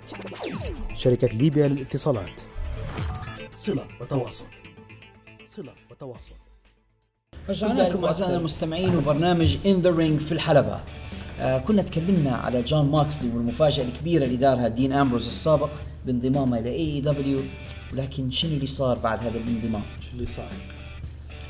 آه جون ماكسلي تبين بأنه هو زي ما نقول إحنا بالليبي كبدة دم أو إنه هو كبدة ممروجة أو نقولوا إن قلبه دمه محروق. آه طلع في مجموعة بودكاست وعمل مجموعة لقاءات. أولها كان مع كريس جيريكو قبل قبل Double or Nothing هم سجلوا البودكاست بتاع جيريكو وبعدين طلع في بودكاست ثانية إحنا نقولوا بالليبي بك الشكارة أو آه، كشف جميع الأسرار يعني اللي موجودة عن دبليو دبليو وعن الكواليس العمل داخل دبليو دبليو سمعتوا أنتم اللقاء هذا؟ كان بالنسبة للقاء جيريكو يعني يعني ذكرني شوية يا جماعة بلقاء آه سي ام بانك مع كولت كابانا لما سيب دبليو دبليو بس الفرق ان ان إن سي إم بانك لما دار اللقاء مع مع كولت كابانا تكلم بالدرجة الأولى عن الإصابة اللي هو كان متعرض لها وإن الدكتور الدبليو دبليو اهمله وغيرها أما أمبروز السابق جون ماكسلي الحالي كشف كل شيء. كشف عن عقم العملية ال- ال- ال- الإبداعية في دبليو دبليو إي وصعوبة العمل داخل الدبليو دبليو والبيروقراطية والبطء ويعني باين الرجل كان يعاني كثير يعني وحكي قصص وأشياء صارت معه غادي ومن وجهة نظره جون إحنا مش ما نقولوش في رأينا بالدرجة الأولى لكن نقلا عنه هو يرى أن المشكلة في فينس ماكمان ويرى أن فينس ماكمان عنده أفكار ساذجة وغبية هي اللي أدت أن اطلاع آه، دين أمبروس في دبليو دبليو بشكل ساذج وماليش معنى. شكي من آه، من storylines شكي من من القصة؟ مثلا من المواضيع اللي تكلم عليها كثير قصة رومان رينز وإصابته عافانا الله وإياكم من السر- بالسرطان وكيف إنه ما كانش مرتاح إنه هو يدير ال- ال- البرومو اللي اشتم فيه رومان رينز وعايره به بالمرض. وقال هذا منه امبروز السابق إن طلبوا منه يقول كلمة قال لو قلتها العقد اللي بين دبليو دبليو و Make-A-Wish كان حينتهي. قال أنا رفضت نقول الكلمة هذه وطلب منا جيريكو شنو هي؟ فرفض. قال لا مش حنقولها حتى هنا. فعلا وحتى في بروموات يعني تكلم حتى على برومو بتاع سيت رولينز. آه تكلم انه إنه طلبوا منه يقول آه، بعض الكلمات ويعني حتى ما فيش حرية في حتى اختيار الكلمات وأنت تتكلم في البرومو. تتكلم برومو كأنك بالفعل أنت قدام الكاميرا. cut action بالضبط. يعني عندك ممثل. كلام كلام خذها زي ما هو copy paste ما ما تزيدش وتنقص عليه. يعني طل- طلبوا منا كلمات هو قال بعض منها كلمات ساذجة قال كلمات طفولية المفروض ما نقولهاش يعني شتائم طفولية. وقالوا إن- يحكي في واحدة من القصص قال جابوا لي برومو وطلبوا مني نقول حاجة. قال فأنا رفضت نقول الكلمة. فقال الراجل المسؤول عن التصوير قال بقى نصور البرومو قبل الموضوع يوصل لفينس قال في الموضوع وصل لفينس قال فبعت لهم التصحيحات ومأكد على الكلمة دي قال لازم يقولها. قال فمشيت للمكتب باش نكلمه قال قعدت واقف قدام مكتبه ملطوع 45 دقيقة. نستناه يطلع لي باش نسأله ليش تبيني نقول اللفظ هذا. ففينس يقول لي لا هذه شخصيتك. وأنا شايفك هيك يعني في رؤية ال- ال- ال creative أنت تنفع في الدور هذا. ف... إضافة هذا كله ال feud اللي داروه له مع نايا جاكس. قال لما جيت كلمته قلت له شنو شنو قاعد تجيب لي أنت؟ تدفني يعني؟ لا قال لا بالعكس. هذا الموضوع حيجي لك attention This will bring you attention. قال له هذا حيجيب لك نوع من الشهرة نوع من الانجذاب يعني هو مش ناقص attention. لما أعلن لما عقدها انتهى. وبلغهم إنه ما عندهاش رغبة في التجديد وعدوه إنهم هم مش حيدفنوه. إيه. they won't bury him. وبعدين لما لقاهم حطوه في مباريات يغلب EC3 اللي وقتها jobber. وما زال jobber EC3 للأسف. وبعدين حطوه مع نايا جاكس في بداية القصة قال أنا بديت نشوف في pattern بديت نشوف في نمط إنهم بيحولوني إلى jobber. صحيح. قال من جد تكلمت معهم فيقول لا not gonna job you. ال- قصة خروج أمبروز ال- السابق وماكسلي الحالي كانت غريبة آه، طلعت من دبليو دبليو لكن اللي يسمع البودكاست والحلقة اللي مع جيريكو يعرف فعلا بأن دين أمبروز السابق كان يعاني في الأمرين داخل دبليو دبليو واكيد طبعا الرابط بتاع الحلقة حتلقوه باللقطه في ال description box ححطوا لكم في description هذا بالنسبة اللي يسمعوا فينا في اليوتيوب. أي بالضبط. جماعة ال SoundCloud آه، لازم يديروا Google search أعتقد. بالضبط. اللي يقول الرابط بالنسبة لي. آه، جيريكو كذلك اللي يسمعوا فينا في ال Y FM 96.9 حيوكم مرة ثانية. دوروا بس في ال Google search آه، كريس جيريكو بودكاست أو حتلقوا حلقة ديناموس الحلقة نفسها هذه في اليوتيوب وتلقوا الرابط موجود تحت الفيديو إن شاء على الله فكرة ال ال ال عقبالنا يا ربي يعني. ال downloads بالنسبة لحلقة كريس جيريكو اللي مع دين أمبروز الأعلى download في تاريخ برنامج جيريكو. قال لك جاب double أو ضعف أعلى حلقة سابقة لجيريكو يعني يقولوا كان عنده في قبل حلقة مليحة أعلى حلقة جابت هذه اللي دارها جيركو ودين أمبروز. double ال- الحلقات الماضية كلها. فواضح إن الناس مهتمة. يزيد دين أمبروز بعد اللقاء اللي داره مع كريس جيركو يقعمز مع صحفي ويد كيلر. ويد كيلر آه، صحفي مخضرم في مصارعة المحترفين في أمريكا ومن المحترمين من نفس وزن آه، ديف ميلتزر والناس هذه. يقعمز معاه في لقاء من جزئين مدة أكثر من ساعتين. وتطرق إلى كل الأمور اللي تكلمنا عليها بتفصيل أكثر. تكلم على العقم العملية الإنتاجية في WW البيروقراطية الكلام اللي ذكرناه كله وذكر أمثلة. منها قال عمل صعوبة إنك تدير برومو أو إنك تدير لقاء في WW تكلم قال في في AEW قال النادي جيبوا لي مصور نوقف قدام الكاميرا. نقول الكلام اللي نبي نقوله دن دير واحد ثاني دن وقبل هذا كله علاء قبل حتى البرومو هذا اللي داره بعد ما خش وهاجم جيريكو. قال جيت ال Young Bucks قلت لهم شباب. آه هم كانوا طالبين إنه يكون جزء من العرض في نهاية العرض. فقال لهم شباب أنا بخش الحلبة. فقال آه، تقريبا نيك قال آه، كان دي كان موكسلي بيقول له شو بندير قال دقيقة بس مش, مش عندك برومو بتديره قال له خلاص هو يطلع معك ال cameraman. يمشي وراك لين توصل أنت للحلبة وخلاص وشو دير دير عادي مش مشكلة. والفعل اللي هو دارة ما كانش متفق عليه 100% جيريكو كان مستعد إنه هو يعرف ان موكس حيخش وكان متأكد إنه اخذ ذي خذ ذي والسيناريو اللي شبحناه كله بعدها كله كان ارتجالي. يعني بجديات نهنيهم عليه على على على اعطاء إعطاء الفرصة لجون موكسلي إنه هو يدش يبي profanity هو فيه في الكلام. ال AEW سمعنا إحنا يعني كلمات ما تلقاش في W هو كان في شوية profanity في في Double or Nothing أعتقد لما يخشوا على التلفزيون مش حيقدروا. لانهم حيكونوا عن في prime time حيكونوا في وقت العرض المشاهدة الرئيسية وعلى شبكة رئيسية. يعني قناة TNT قناة رئيسية في أمريكا. فحيكون عندهم شوية محاضير. لكن آه، في بالنسبة للعرض هو كان شوية للكبار بالنسبة للالفاظ لكن موكسلي ما قالش الفاظ يعني بالنسبة للعرض نفسه وحتى لو في دي وبليب يعني. يحاولوا يديروا له بليبنج بس كان زي ما قال عمر كان فيه ارت- ارتجالية. الارتجالية على فكرة نحبها بس خطيرة يعني مش أي مصارعة تقدر في حد هذه ما تبي سمع قالك صح. حد محترف. ضابط شنو يقول؟ ويعرف حدوده هم نفسه في الكلام يعني. بعد ما موكسلي دار اللقاءات هي انطلق. آه الآن آه، موكسلي عنده خصومة آه جاية في الجاي اللي هو اسمه آه Fyter Fest fight ترى بال Y F Y T E spelling غريب شوية. إيش قصة هذا؟ شنو قصة؟ ال spelling ولا قصة العرض؟ ال spelling spelling يبغوا يتميزوا بس لكن حتى أنا شايف ان spelling سخيف شوية. في F Y T E fest Fyter Fest حيلعب ضد المصارع جوي جانيلا جوي جانيلا حتى هو hardcore wrestler نور انت شايف آه، موكسلي لما كان من زمان في سي سي سي زي دبليو لما كان آه، لامبات ومسامير والمرش والقصص هذه. hardcore matches حيرجع لل style هذا مع جوي جانيلا في Fyter Fest hardcore match كان seem excited not excited أنا حتى أنا ما بحبش ال- ال- ال- ال style هذا. أنا أنا أنا اعتبر فيه trash wrestling أنا نحب مش wrestling أصلا سي زي مش سي زي دبليو أنا أقول لك حاجة.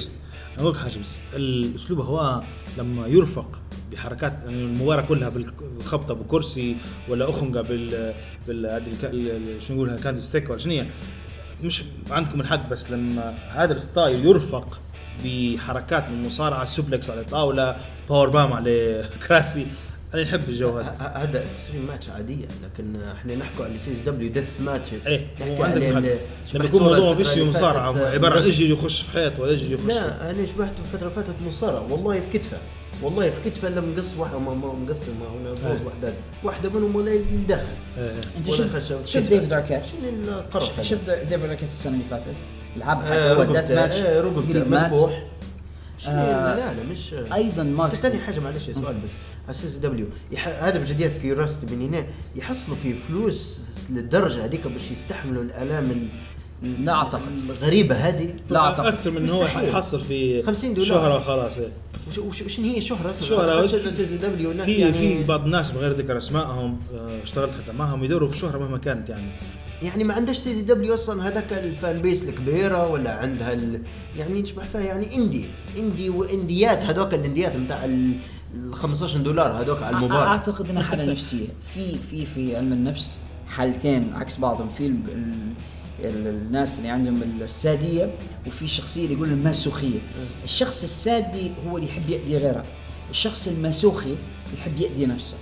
أنا أعتقد أن الناس اللي يحبوا يديروا هيك في نفسهم مازوخيين ميك فو... آه، ميك ميك فولي. منهم.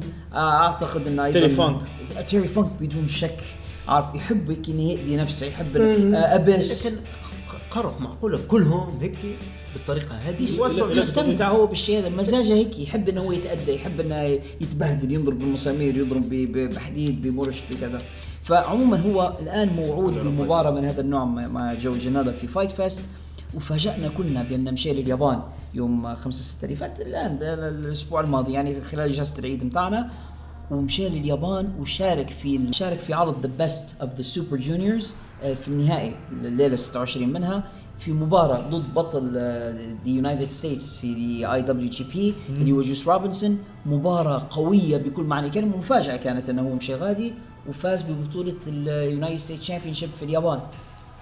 هذه حتى جتني صدمة شوية على العموم المباراة هذه كان في حاجة واحدة ما استغربت فيها نتشة اللي دارها دينابرس لجوس روبرتسون نتشا لأخوتنا العرب بمعنى آه آه قضمه القضمه أو العضة. آه يعني يعني في حاجبة؟ شكل آه حاجبة يعني شكل باشمهندس دينابرس جعان هيك وجاي وخش ولقى حاجب قدامه شو خطر عليه. نتشه حاجب نتشه نتشه بما الكلمة يعني قاعد مسكين جو- جو روبرتسون اللي كان يشبه فيه صورة مأثر ش- مداير صبع هيك على الحاجب بتاعي يقول نتاع شوف وش ندار فيه عرفتها؟ هو موسن هو هو شوف هو بعد العرض دار برومو. البرومو ذاك هو عبارة عن عبارة عن تعليق على مش تعليق هو بناء لدين أمبرز. هو في اللقاء بتاع عرفت انت بتعرف انت بتعرف مع واحد تقول ضربني لكن تعرف واحد شكله هو. يعني باسلوبه هو. لما تكلم يقول ذيس از ون اوف ذا ون اوف ذا بارست مش عارف شنو رسل ايفري رسل ماي لايف طبعاً. ستاف جاي يعني هو مطلوب منه إنه هو يبنيه مش يدفنه في طبعا لأن في النهاية أنت ما تبيش تخسر تقول اللي غلبني مصارع ضعيف.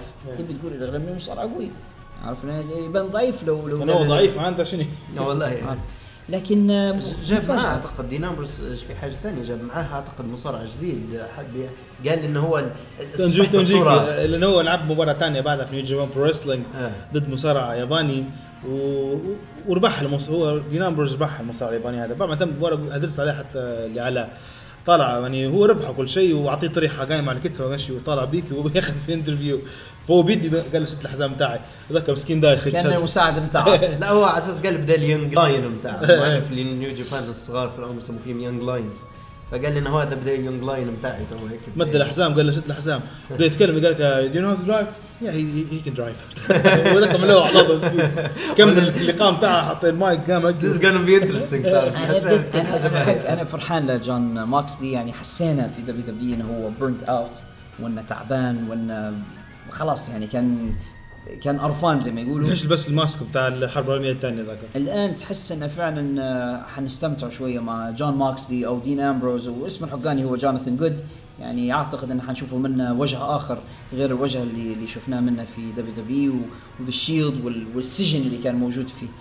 مصارع ثاني حتى هو كنا تكلمنا عليه في في الحلقة لحد الآن أكثر من مرة. وأعتقد حلقتنا هذه ما بين جون ماكسلي وكريس جيريكو جيريكو بعد مبارتة الكبيرة مع كيني اوميجا في Double or Nothing مشى لليابان في عرض Dominion اللي فات اللي هو Dominion هو بمثابة SummerSlam ل New Japan Pro Wrestling هم عندهم أكبر آه، العرض الثاني زي ما WW عندهم Wrestle WrestleMania و SummerSlam هم عندهم Wrestle Kingdom New Japan و Dominion ففي المباراة الكبيرة اللي على بطولة ال IWGP بطولة العالم في اليابان آه، كريس جيريكو يتحدى the Rainmaker كازوتشكا أوكادا على بطولة ال IWGP the Painmaker versus the Rainmaker عجبتني منه جيريكو إنه هو character. آه، حتى هو أنمي تقريبا اللي داره في في مبارتة اللي اللي آه، مع أوكادا. أعتقد أيضا character بتاع أنمي ال look اللي جاي لبس وجهه مدار شوك هيك اساسنا بين ألم واحد. مش. مرات مش شرط أنمي بس ال style بتاعها شنو داير يا نور الجاكيت بتاعها داير فيها اسمها شبحت pain ما maker. أعتقدش. والطاقية زي بتاع ال scarecrow زي اللي فزعت ال- الغربان ومسمي روحه the Painmaker ويخوف فعلا يعني مع ال- ال face paint والحاجات اللي كان لابسها كان كان شكله ملفت يعني ومخيف في نفس الوقت. جاي يتحدى the Rainmaker كازوتشكا أوكادا. آه، عمر أعتقد ما عجبتهاش المباراة. وتبدأ المباراة. طبعا المباراة لو. لما تتفرج عليها ك highlights was good جيريكو آه، ياخذ Codebreaker لأوكادا هو جاي جاي خارج الحلبة يستقبله ب Codebreaker نشوفه آه مسكين آه، أوكادا ما قدرش يدير ال Rainmaker بتاعه بكل حتى مرة واحدة ما دارهاش شبحنا حركات كويسة من جيريكو وال backflips اللي يدير فيها من الحبل الثاني كان يدير فيها هو شاب من 15 سنة فاتوا. لا زال عنده قدرة إنه يديرها مرة ثانية جيريكو هو اللي يخدم bumps أكثر من أوكادا. usually هذا اللي يصير مع أوكادا مبارياته. حتى إنه بياخذ آه، جيريكو بياخذ أوكادا power bomb خرج الحلبه حسيته هرب منها دف حاول يدرب أكثر مرة ما قدرش. آه، ال bumps أغلبيتها كانت زي ما قلنا لجيريكو إنه هو الأكبر في السن. مباراة للأسف الشديد فيها نوع كبير من الملل. مباراة لما ال- ال pace بتاعها إيه. تتوقع أنت ديما مباراة مباريات بالأسماء هي تكون لها نهاية زي ما نقولوا نهاية ملفتة أو ما شابه بس ما كانتش أكثر من roll up فتقدر تهدرج على المباراه يعني هو نور أنت توافقني ان كا... ان كازوتشكا اوكادا هو الراندي اورتون بتاع اليابان. أم أم راندي اورتون هو heel ما هي؟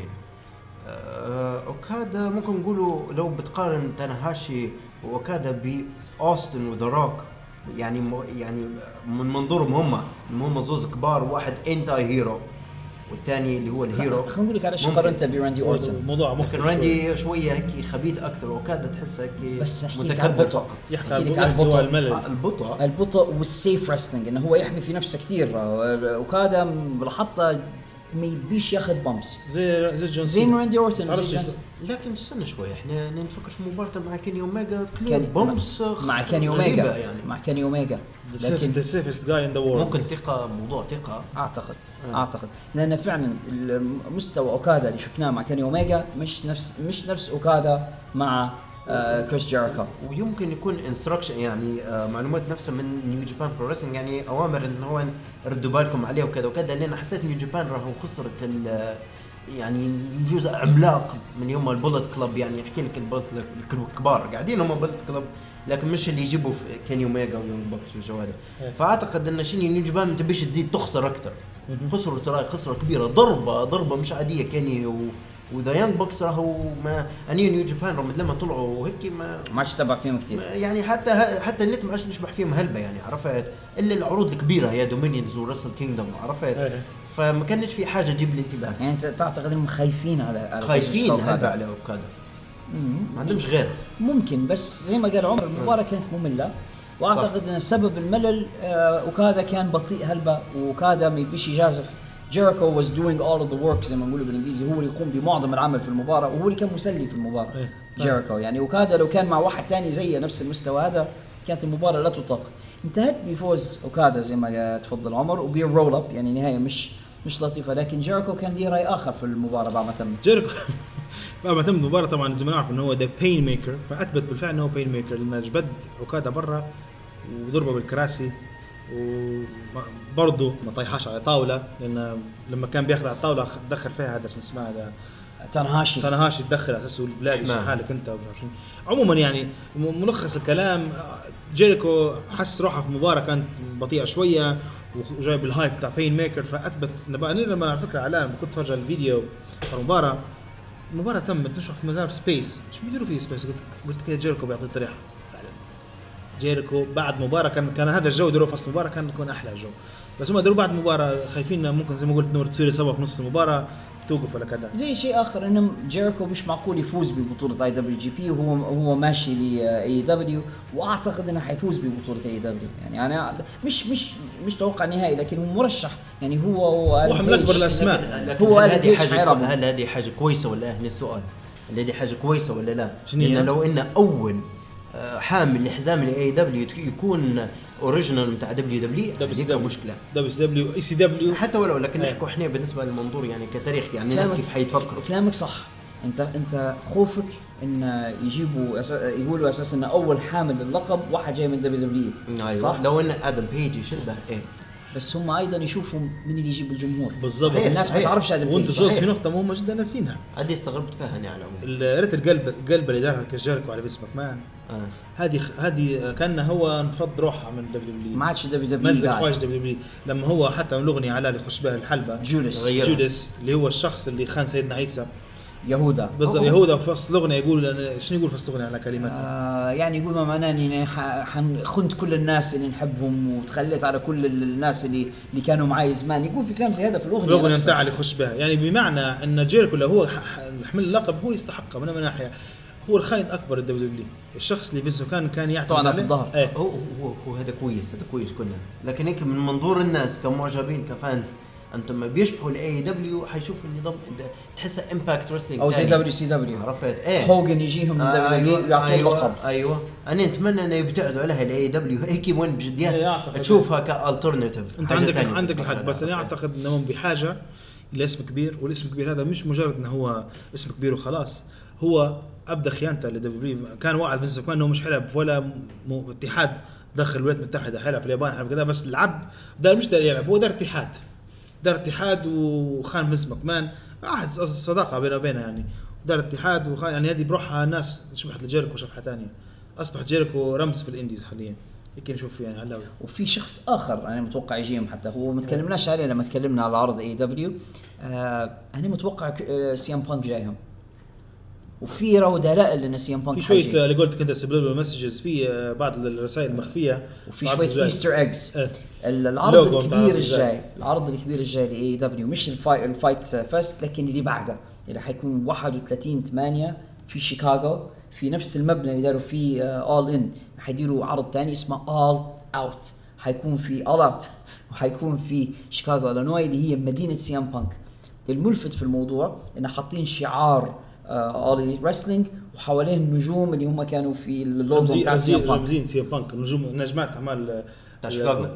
نجمة شيكاغو يعني. فالناس كثير تقول إنه لعل سي ام بانك جاي. و- وتحليل أنا البسيط الموضوع ما كانوش يبوا يطلعوهم اثنين في نفس العرض يعني ما يبوش يطلعوا آه، جون موكسلي وسي ام بانك في نفس الليلة باش ما يحرقوش بعضهم. أيوه. فيطلع جون موكسلي وياخذ آه، راحته شوية وبعدين يجي سي ام بانك في في ليلة ثانية كبيرة ويدير لهم buzz جديد. خ- خاصة هم بعد ذاك العرض حيبدأ العرض التلفزيوني بتاعهم. فيطلعوا المفاجأة الكبيرة بتاعهم سي ام بانك. هذا تكلمنا تو على ذا جود some of the bad. خلينا نتكلم تو عن ال ugly professional wrestling آه. وعندنا عرض Super ShowDown اللي يقيم في المملكة العربية السعودية في إجازة العيد 7 6 يوم الجمعة اللي فات.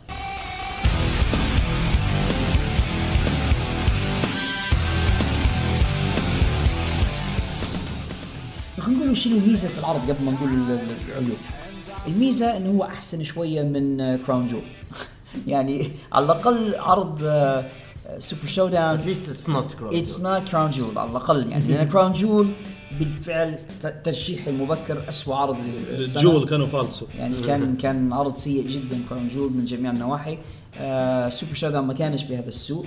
ميزة ثانية تفرجنا عليه مجانا على ام بي سي اكشن فشكرا يا جماعة ام بي سي ان قدرنا نتفرجوا عليكم في ال- نتفرجوا على عرض مصارعة live في النهار يعني في وقت مبكر شوية.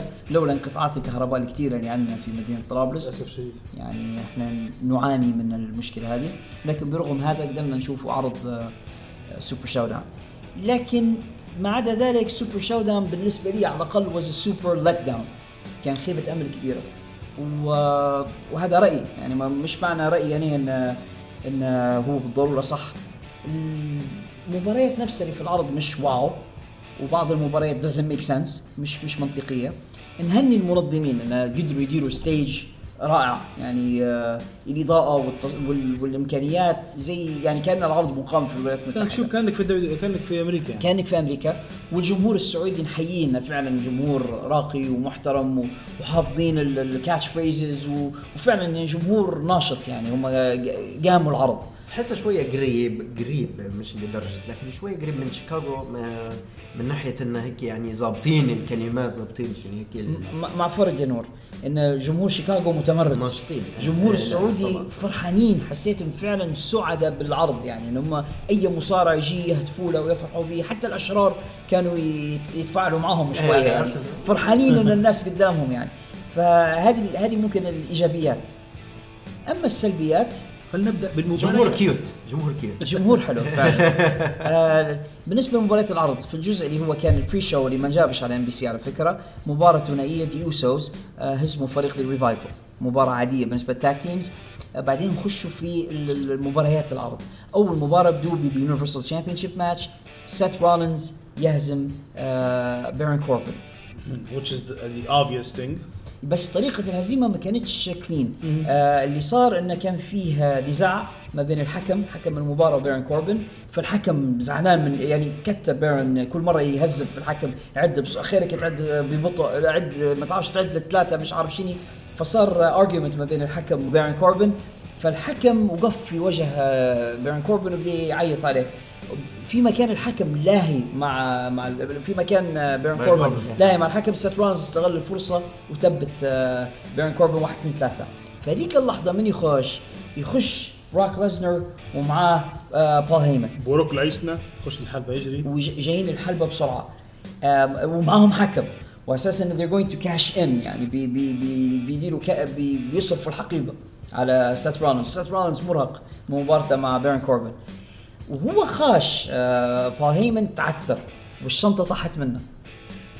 فداروا داروا close up بالكاميرا على وجه بول هيمن بتاع لا no هذيك اللحظة استغلها سيث رولنز واخذ كرسي. جبت كرسي. ويطيح في عمك بروك ليسنر يا نور. كسرة. يعني عرف أن الله حق. تعرف تعرف ماكينة توست ولا لا؟ غير بسرعة. هذاك الكرسي هذاك الكرسي ينتني على ظهر بروك ليسنر ثلاث أربع مرات. وبروك يعني مبلوط قدامه زي السقيطه وقاعد يضرب طاق. زي, زي القرنيطة. طاق طاق طاق طاق. وطلع يجري آه، بروك ليسنر وفاز آه، سيت رولنز في المباراة. وما انحسبتش cash in. يعني ما زالت لأن الحقيبه عنده. الحكم ما زال ما عطاش إشارة ما بديتش البوبر ما أنا ما زال ما زال عنده فرصة بروك ليسنر إنه يدير حقيبي. يعني د- يعني دبليو مش حيغيروا ألقاب في السعودية هذه الملاحظة يعني آه، ما فيش ولا لقب تغير يعني المباريات حتى ال title matches كان كان العرض هذا show. لا مش هيك كان العرض هذا ما هوش official يعني house show house ما show تجيش house show. يعني. المباراة اللي بعدها كانت فين بالر ضد أندرادي على بطولة ال Intercontinental Championship مباراة كويسة high flying match زوزة من عزهم كمصارعين. بس nothing ما فيش حاجة مميزة صارت فيها. مباراة عادية ل- للمستوى اللي ممكن يقدموه دائما وزي العادة فاز فين بالر اللي بعدها مباراة غيظتني شوية. شين ماكمان ومعاه درو ماكنتاير هزموا رومان رينز. آه، أول حاجة ما تعرفش مع شكون توقف باهي المباراة هذه بالذات يعني. كون ان آه، كون ان إن هي اندارت في السعودية وإن الجمهور already يعني مش متعافين من موضوع رومان رينز ويحبوا رومان رينز أصلا. يعني ما كانش في مشكلة بالنسبة للجمهور إن رومان رينز زي ما يقولوا الناس ما تحبهاش خاصة بعد العملية فزادوا يحبوه أكثر يعني حتى في هو السعودية. محبوب في السعودية أصلا. في السعودية. رومان عنده عنده شعبية كيف كبيرة يخسر بقى. كيف يخسر بس؟ أنا عندي هي أعتقد إن هي محاولة إنهم يزيدوا ويكرهوا الناس في شيء. إيه. إن شين ماكمان يزيد ويحاولوا يبنوا heel بعد بوه character. بيمسك بعد بوه. غير مشكلته صوته مش زي بوه. صوته حتى وينضرب عيونها مش بتاع واحد ينكره راها زي فينس ماكمان. بس داروها عربية. إن درو ماكنتاير هو يعني ضرب رومان دار الحركة بتاعته الكليمور وفي لحظة الحكم في كان فيها غافل وطلع يجري بسرعة. درو, ماكنتاير وشين ثبت وين. رومان رينز وانتهت المباراة. يعني مباراة شوية مخيبة للآمال. المباراة اللي بعدها اللي ممكن تسمى حادث قطار. لارس سوليفان أول مباراة لي. لارس سوليفان ال freak. جابوا له The Lucha House Party اللي هم جراند ميتاليك وكاليستو ولينسترادو وانتهت بال disqualification لأن الثلاثة خافوا فهم they disqualified themselves. خافوا لكن ضربوه ضربوه في تحت الحزام ف لكن قبلها كان مدمرهم ووحش بصراحة. جيم يفشخ. أم أنتم أنتم متوقعين إحنا نشوفوا لارس سوليفان ضد برون سترومان. ضد بران سترومان مثلا أو ضد براك ليزنر هذه هذه نعرف إن لارس سوليفان انه هو يكون بطل حزام هذه بدون نقاش باهي لأن ما دام عاد طلعت على فضيحه الفترة اللي فاتت أعتقد في حاجة في ال social media مدير آه عنده عنده بعض إيه، التصريحات اللي كان وما دام بعد. هذا كله داروا له بدل ما يطردوه داروا له على أساس فلوس وكذا وكذا وادفع غرامة بس وهيك وانتهيت معناها كده خاشين بيه بقوه الدفاع. آه. مستثمرين فيه. آه، أنا مستني نشوفها مع وحوش تانيين. بصراحة عنده potential عنده look. مخيف شوية. آه المباراة اللي بعدها مباراة هذه هذه المباريات اللي زي هذه هي, السبب علشان أنا قلت انها it's an ugly pay-per-view راندي اورتون Triple H أنا سمعت ناس يمدحوا فيها المباراة.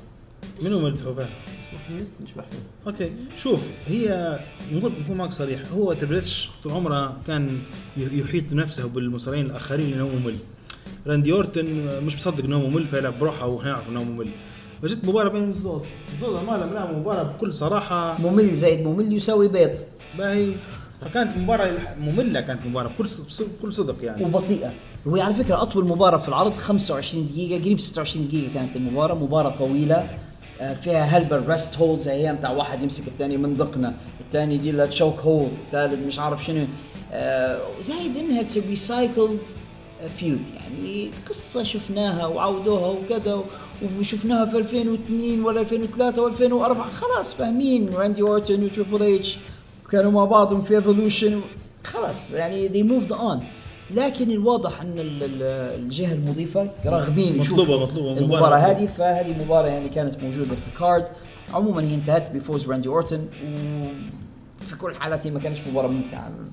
على الأقل بالنسبة لي يعني حسيتها فعلا مباراة بايخة. آه مباراة أخرى ما كانش لها أي داعي بران سترومان ضد آه، بابي لاشلي. زوز عمالقه بوم بوم يعني كسروا بعضهم هو كلها كلها دفن لبابي لاشلي وخلاص. وفاز بران سترومان طبعا في 8 دقائق. وبران سترومان يعني كنت متوقع يكون موجود في the rumble match لما لقيتها في المباراة هذه مباراة فردية عرفت إن في حاجة تغيرت لأن كانت في شائعات إن آه، بيلعبوا آه، ناتاليا والكسا بليس وانه بالفعل الاثنين سافروا مع بعثه ال WWE للسعوديه شحات يلعبوا إيه، شحات شبه شبهتهم لابسين أنا آه، شفت. صوره شفت صوره حجاب ولابسين. الحق يا؟ ربي بالنسبة لناتاليا شفتها لابسة حجاب حتى الكسا. الكسا ما شفتهاش لا بس مصورينه مع موجو راولي موجو لابس راولي. لبس هو هو موجو راولي لابس بدله خليجيه هم مع بعضهم ما نقول خليجيين كلهم. موجو أنا- والله والله بجد الكسا بليس شكلها خليجية. ما- هي. آه، هي الوحيدة اللي باين خليجي-. امها أجنبية امها أجنبية. اسمع فلوجر خليجية. فلوجر خليجية. آه. اللي تنفخ شوربها آه. وكوجها كلها زيت و... ما علينا. يزعلوا من ليش. على كل حال. آه فكانت في شائعات إن ال- ال- المصارعتين هم كانوا حيلعبوا. والباين انه في آخر لحظة تقرروا إنهم مش حيلعبوا. فبران طلع من ال Greatest Rumble وحطوه مع مع بابي لاشلي. الحمد لله يعني ما لعبوش بجديات هم لو لعبوا المباراة النسوية في السعودية كانوا حيمنوا بها علينا إلى يوم القيامة WWE إن أحدثنا التغيير وغيرنا السعودية وأول مرة. هذا كله وقاعد آه، المعجبين بتاع المصارعة حيذموا ويقولوا لا المفروض يخلوا المصارعات ي- يلبسوا كيف ما يبوا وكيف وكيف المفروض يلعبوا هم آه. الأول. آه. المفروض آه، حيلقوا طريقة يعني باش انهم المفروض ما يجوش تاكسي ساقوا بروحهم معلوم إيه، معلوم. فعلى كل حال هي كانت مباراة من المباريات ال- آه كوفي كينغستون ومعاها اكزيفير وودز برا ضد دوف زيجلر. وعندي مشكلة كبيرة مع المباراة هذه إن كوفي اللي مفروض فيس مفروض طيب ويحبوه الناس فاز على دوف زيجلر بفضل تدخل اكزيفير وودز واضحة. يعني اكزيفير تدخل وضرب آه دوف زيجلر وهذا اللي قاد إلى فوز أنا آه، أعتقد إنه بناء زيجلر. بناء لحاجة في قدام لأنه هو أصلا في في عرض ال Raw هذا زيجلر كان برومو على الموضوع هم حيلعبوا steel cage match في. Stomping Grounds لكن كانوا يحافظوا المفروض على كوفي كينغستون ك face يعني ما كانش محتاج حتى زيجلر. مسكين باع حصل شوية حصل حصل 5% credit على الموضوع على أساس إنه ما خسرش clean حتى زيجلر شخصيته اللي مدايرها حاليا شرف بن مي إيه. عارف انه ودموعه واحد. وايننج هيل لو أكثر هيل الناس وم- مش مش جود هيت إكس باك هيت يعني الناس تكرهها لأن أطلع. لأنه بايخ آه لأن الشخصية بايخة شوية نجو تو المباراة اللي كتر فيها الجدل وفي ناس كثيرة انتقدت وناس كثيرة قالت كلام وإحنا حنحاول ننصفه يعني اللي هي مباراة الجريتست روي رامبل اللي آه، اللي ضمت يعني مجموعة كبيرة من المصارعين وبعدين النتيجة كانت بين قوسين مفاجأة. أول حاجة علاش هي ال Greatest Royal Rumble؟ Royal Rumble اللي فاتت الكبيرة كانوا 50 المرة هذه 51 يعني فهذه زايد على ذيك ب- بمصارعة. وكانوا مشاركين فيها عدد كبير يعني سمو جو موجود دميز دميز خش بروحها يعني مجموعة المصارعين الأولين خشين زي الموكب خش بابي رود وشاد جيبر كله مع بعض آه دميز محمي محمي دميز دميز خش بروحه. عنده feud مع مع شين فلازم يبنوه. عارف music واحد خش بروحه وسمو جو خش بروحه. يعني هذول اثنين لكن والايس خش آخر واحد وغنى. عارف هذول الثلاثة اللي تحس عندهم push الباقيين مع بعضهم في الزفه يعني خش. ان هذول اللي تكلمنا عليهم إحنا زوز منهم آه، تبع شين مكمان يعني. صحيح. واحد مع feud والثاني بجنبه. وخشوا ال Royal Rumble هذا يختلف عن ال Royal Rumbles المعتاده انه مش كل دقيقة يخش واحد خشوا ال 50 مع بعض أو ال 51 موجودين مع بعضهم في الحلبة at the same time وبدوا طاخ طيخ طاخ طيخ وعلى فكرة حركة صعبة جدا لأن الحلبة معبي عن آخرها. 51 واحد واقفين مع بعضهم وكل شوي تشبح واحد يطير واحد يطير واحد يطير واحد يطير. لما بدأ الغبار ينجلي وبدينا نشوفه في الصورة اللي قاعدين قدامنا اللي, اللي تحسهم واقفين في الحلبة آه، سمو جو الايس علي أو مصطفى علي ومصارع لابس أبيض ما نعرفوش إحنا. أنا خل أنا ما نعرفوش. اللي هو بعدين تبين بعد شوية إنه مصارع سعودي اسمه منصور. واللي ما شافوش آه شكله شوية زي مصطفى علي وشكله شوية زي سي ام بانك ويشبه شوية سيث رولينز. هيك تحسها mix من معهم كلهم. آه وفوجئنا إن الجماعة بده يطلعوا في بعضهم وقاعدين آخر اثنين الايس والشاب السعودي هذا منصور. وهني هذيك اللحظة عرفت من بيفوز. أوكي. انه فعلا آه، منصور تمكن من انه يطلع الايس وفاز هو بالذا جريتست راوند بخشبص للجمهور.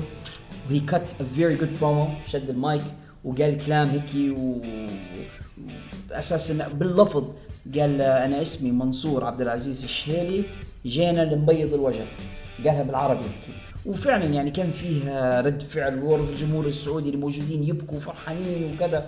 فكانت لقطة مؤثرة. you deserve it يقولوا you deserve it بده يقولوا لك. كنت تكلموا على بعض النقاط في الموضوع هذا نقطة بس باش نربطوها كلها مع بعض. شفنا بعض النقد من حتى جمهور برنامجنا على صفحتنا على الفيسبوك. آه، ينتقدوا في منصور والبعض يعتقد أن السبب فوزه بال- بالمباراة هذه مجاملة للسعودية. كون ان رسالة حب يعني. كون ان السعودية عندها عقد مع مع ال WWE وملزمين بعقدهم انهم يجوا كل سنة كذا مرة. فأساس إنه مجامله للسعودية أو اعطينا واحد من أولادكم فاز. هذا كلام قالوه بعض جمهورنا وأعتقد هذا كان رأي أنا شخصيا آه، هذا منطقي هذا منطقي جدا على في البداية.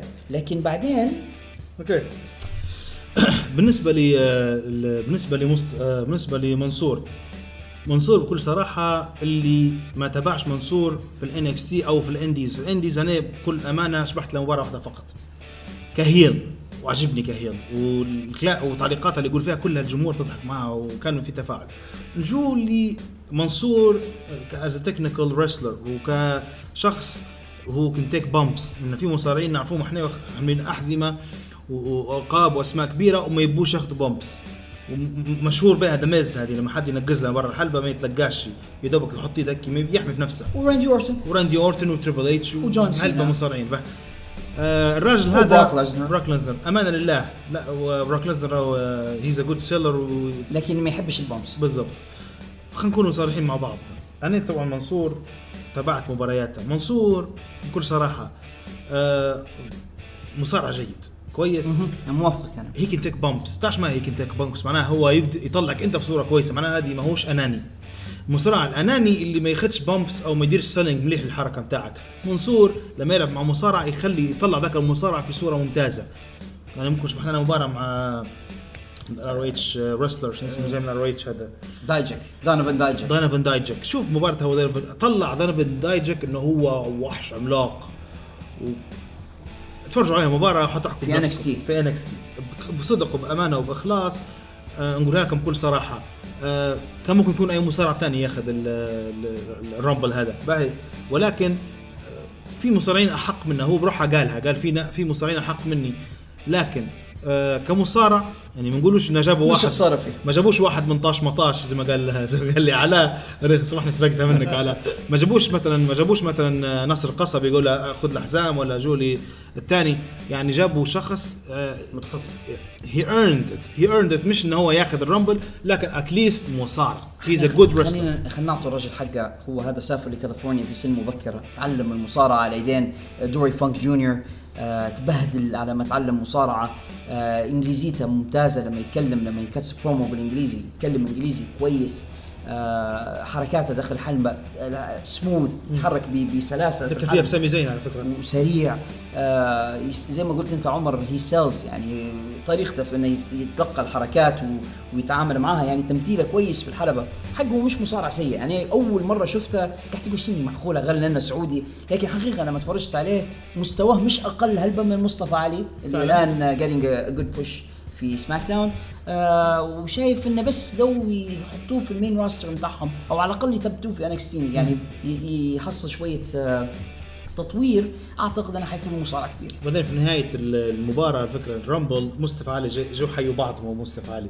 أنا حاسس إنه بداية feud ما أعرفش ليش بس حسيت إنه ممكن يديروا feud يمشوا يمشوا يمشوا as tag team you think they're brothers بان واحد آه، بس تخيل يكون في حسد. تاع أنا كنت قبلك هذا علي وجيت أنت وخذت مكاني. أنا عندي أنا عندي حاجة. ال memes اللي تو جايبينهم الزوز عرفتهم بتاع سبايدر مان زوز Spider-Mans مديرين. هو. شوف هو مس هو مصطفى علي في حد ذاته قصدي ما فيش هو شوف جسم مصطفى علي ما زال أحسن من جسم آه، منصور. منصور أطول ونحيل أرق. منصور بحاجة إلى بناء جسمه بشكل أنا نتمنى نشوف منصور جسمه زي نيفل.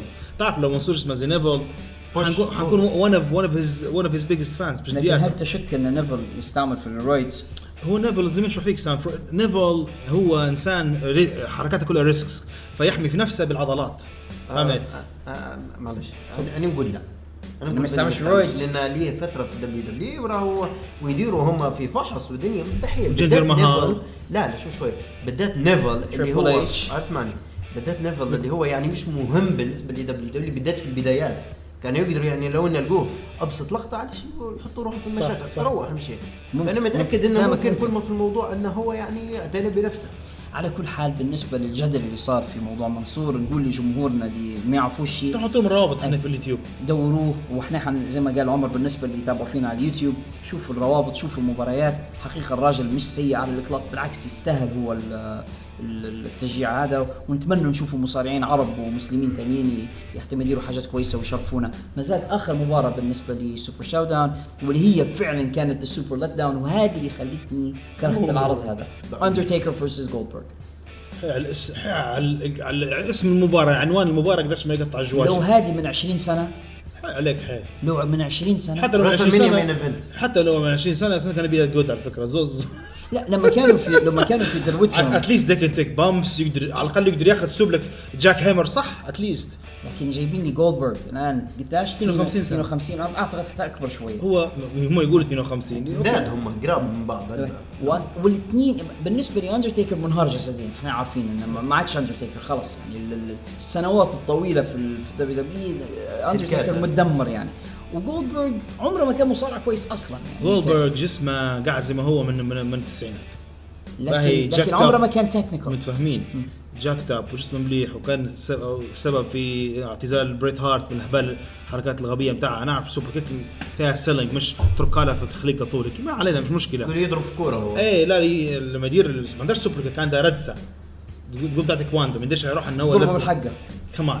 باهي آه، بكل أمانة ما فيش داعي راجل عمره 52 أو 53 أو 56 سنة يخبط دماغه في الحديد قبل ما يخش للحلبة هذه اللقطة اللي أعتقد اللي أفسدت المباراة أن جولدبرغ الريتشوال أو الطق- الطقس اللي هو يمارس فيه قبل كل مباراة إنه يضرب- راسه وعلى فكرة كان يدير فيها لما كان يلعب في الأمريكان فوتبول إيه إيه. يضرب راسه على ال- ال- ال- ال- الخزانة. الخزانة الحديدية والمعدنية قبل ما يطلع للمباراة وهذا علشان عنده دم إيه. دائما خلص حقه لما يهبط في الخزانة ولو دماغه مش عارف بس طلع قال لك من الأول هو كان دالقي نفسه ارتجاج قبل المباراة فجاي دايخ أصلا. وخش وبعدين في ضربة أخذها هو خش. في العمود الحلبة جبهته ودمه بده يصب وهو حسب ما يحكي هو بعدين he blacked out يعني صار أغمي عليه دخل المباراة. أنا عرفت إمتى صارت القصة هذه. لما حاول يقيم اندرتيكر بالضبط. لما أندرت... لما هو يفترض إن جولدبرغ بياخذ كان بياخذ التوم ستون أو الحركة القاضية بتاع الاندرتيكر فمفروض الأندرتيكر يقلبها عليه. في لحظة نزول جولدبرغ بالتالي هربت عليه. فاندرتيكر كان بيقيمه ما قدرش يقيمه. أوكي أنت لقاه بلاك حتى لو تلاحظوا التشوك سلام اللي انهت المباراة واللي أصلا في الغالب أندرتيكر ما استخدم فيها كنهاية المباراه آه ما قدرش يقيم حتى السيلينج من غير هذا كله جولبرغ ما قدرش يدير سيلينج جولبرغ قام رجل واحدة بس لو تركزوا فيها رجل اليسار قام فوق ولما جاي نازل قام اليمين شوية وطاح. 1 2 3 واعتذر جولدبرغ على المباراة. اعتذر على بعد المباراة. المباراة. اعتذر للجمهور وقال أنا آسف وأنا وش- وتعاركوا تيكر بعد المباراة. صار فيها سوا سياح يعني شوية كي تكشيخ قالوا لا هم هذا كله rumors إشاعات لأنه هو في الأول اندرتيكر مش عيل صغير. اندرتيكر يعرف بالضبط. لكن باين عليه إنه هو upset يعني هو upset المباراة يعني واضح. عليه يعني. هو في وسط المباراة مش- كاندرتيكر في واحد من الناس كتب please قال لهم في الإنستغرام قال لهم أرجوكم خلوا اندرتيكر يعتذر. اندرتيكر دار like على هذا دار like على الشخص اللي دار التعليق هذا. بس شنو اللي خلى الدبليو دبليو إي يكركر اثنين؟ يعني رجاله عم عمرهم مع بعضهم قال لك 104 سنة. الفلوس. يعني ليه- ليش ليش رافعينهم الاثنين الفلوس. مش قادرين مش main قادرين. event عرض؟ الفلوس يا علاء. من غير الفلوس، مش جمهور قادرين. السعودية مفهمك حاجة. جمهور السعودية كانوا طالبين اندرتيكر ضد آه جولدبرغ هم دايرين مع عقد 10 سنوات واخدين منه قداش 200 مليون ولا قداش. الرقم اللي قريته 100 مليون. 100 مليون فاهم يعني أنت تتكلم على على فلوس.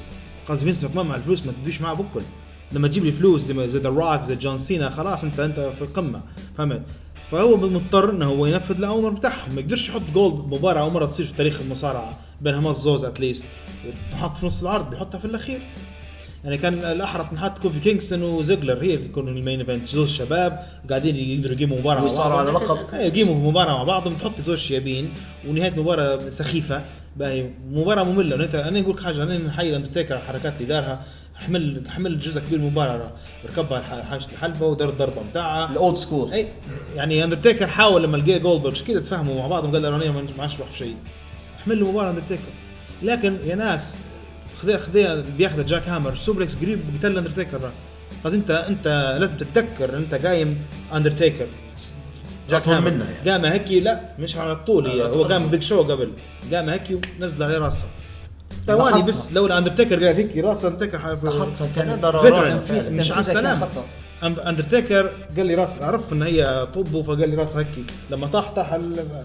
إيه نهاية الر- نهاية رقم يعني لو لو لو هن هو اعتمد على جولدبرغ ده لازم يدور بريت هارت. With all due respect. طبعا إحنا فكرة دقيقه فبالتالي نقولوا إن العرض كان لك داون في في عدد كبير من من الأوجه بتاعه. آه، في النهاية هو دبليو دبليو قاعد يفي بالالتزامات بتاعت حيال هيئة الشباب الرياضة في السعودية وقاعدين ملتزمين يجوا في المواعيد اللي هم متفقين عليها. آه الكثير من مصارعي الدبليو دبليو اللي هم ال main stars رفضوا إنهم يشاركوا في العرض هو لأسباب إحنا مش وفي بعضهم الآن. في بعضهم منعوا من دخولهم للسعودية هو سامي زين. عنده مشكلة أنا مش عارف شنو شنو المشكلة إن سامي زين عربي ومسلم. يا ناس افهموا حاجة. آه، المواطنين السوريين ممنوعين من دخول السعودية. ما شوي مشكله ما بين بشار. الأسد وما بين آه، حكومة السعوديه عموما آه، ب- سامي ما شاركش. كيفن أونز اللي هو كان كيفن ستين صديقه ال- ال- نعم، اللدود صحيح، قال له خلاص أنا ما دام صديقي ما تسمحولاش إنه يشارك حتى أنا مش حنشارك. اي جي ستايلز آه، رفض إنه يذهب. آه، دانيال براين رفض يذهب. جون سينا أصلا هو بادي يسحب من دبليو دبليو جون سينا وقع عقد مع Fast and Furious سلسلة أفلام سلسله السلسله الجديده بتاعهم حيكون هو نجم الآن في Fast خاطر شوف تلاقوا ذا روك على فكرة مع بعض. ممكن يصير. إيه، حيتلاقوا كده. وسينا صرح قال دبليو دبليو ما عادش بحاجتي. آه، وقال دبليو ما عادش بحاجتي. لما جت رسلمينيا طلع في طلع زي ما يقولوا. معنا قال اللقطة قال ده لي, حلو قال لي فترة يعني بنعتزل وخلاص هم ما عادش بحاجتي. فيبدو أن جون سينا خلاص. المهم ال- الحصيل هو أن مصارعين نجوم ما شاركوش في سوبر شو داون وهم اشتغلوا بالموجود وبالمتاح ما قدموش العرض اللي هو المأمول لكن في النهاية الجمهور كان سعيد وكان مسرور وأعتقد اللي فعلا بيض الوجه آه، منصور اللي فرح الجمهور اللي كانوا موجودين واللي خلاهم روحوا سعداء ذاك اليوم. ربما نسوا آه، يعني السعادة اللي على وجوههم من من انتصار منصور نساهم مرارة مباراة اندرتيكر وجولدبرغ على فكرة بقول لكم حاجة مش تصدقوها لو تعيدوا النظر في المباراة تلقوا اندرتيكر وجولدبرغ تعاركوا السعوديين يطلعوا.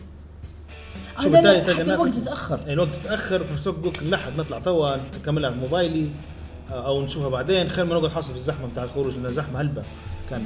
فحتى للمصارعين إحباط إنك أنت بادين تلعب والناس تشبه فيها تطلع يعني. مين ايفنت يعني. إيه.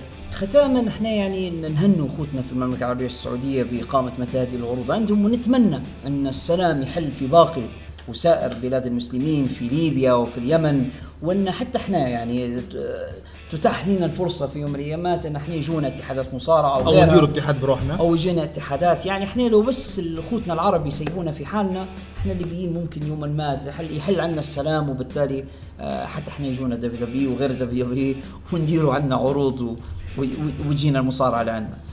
هذا ما كان لدينا بالنسبة لعرض سوبر شو داون الذي يقيم في المملكة العربية السعودية يوم الجمعة اللي فات. آه الآن ننتقل إلى الصحفي الأمريكي براين فريتز اللي استنى فينا على الخط والذي خصنا بهذا الحديث الحصري.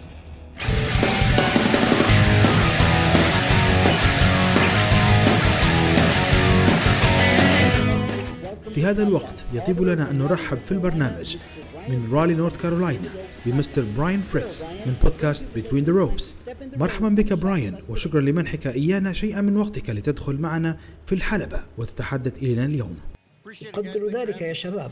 شكرا لاستضافتي.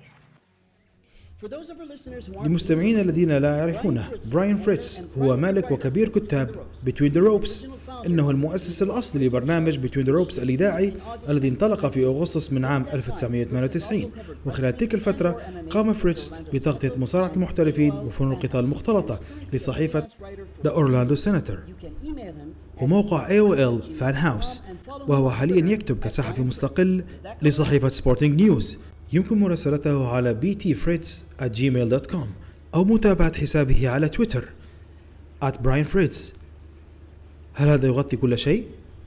نعم هذا كل شيء. لقد كان برنامجك الإذاعي هو الأول الذي استمعت إليه وهو ما ألهمني فيما بعد لدخول مجال بودكاست مصارعة المحترفين كما أنك أول ضيف نجري معه حوار في برنامجنا. لذلك فنحن نقدر استجابتك لدعوتنا. لا مشكلة على الإطلاق. متى وكيف أصبحت محبا لمصارعة المحترفين؟ ومن كان أوائل المصارعين الذين أعجبت بهم؟ عندما كنت في سن المراهقة أراد والدي أن يجد لنا نشاطا يمكننا ممارسته معا ولسبب ما أعتقد بأن مشاهدة المصارعة ربما ستكون فكرة جيدة لشيء يمكننا فعله معا لذلك عندما كنت في حوالي السن الثالث عشر بدأنا في مشاهدة المصارعة معا ولم أكن أعتقد بأن والدي هو مشجع للمصارعة بعد بضعة أسابيع توقف أبي عن المشاهدة بينما وصلت أنا وقد ظللت مشجعا للمصارعة من حينها. لقد كبرت وأنا أشاهد فريق الفرسان الأربعة وأعتقد بأن أول مباراة شاهدتها كان تولي بلانشارد طرفا فيها. كان ذلك أيام الاتحاد القومي للمصارعة وبالتالي أصبحت مشجعا منذ ذلك العمر واستمررت في المشاهدة من حينها. وقد كان لذلك أثر في من أعجبت به من المصارعين وأساليب المصارعة التي أحببتها. فنشأت محبا للفرسان الأربعة وريك فلير. وعندما شاهدت WWE والذي كان اسمه WWF وقتها أحببت مشاهدة ماتشو مان راندي سافيج أولئك بعض الذين استمتعت بمشاهدتهم وأنا أتحول إلى محب I did watch uh, WWE, which at the time was WWF. Um, I loved watching um, Macho Man Randy Savage. So th- those are some of the guys that, that I grew up on. I really enjoyed as I was becoming a wrestling fan. هل فكرت في دخول مجال المصارعة؟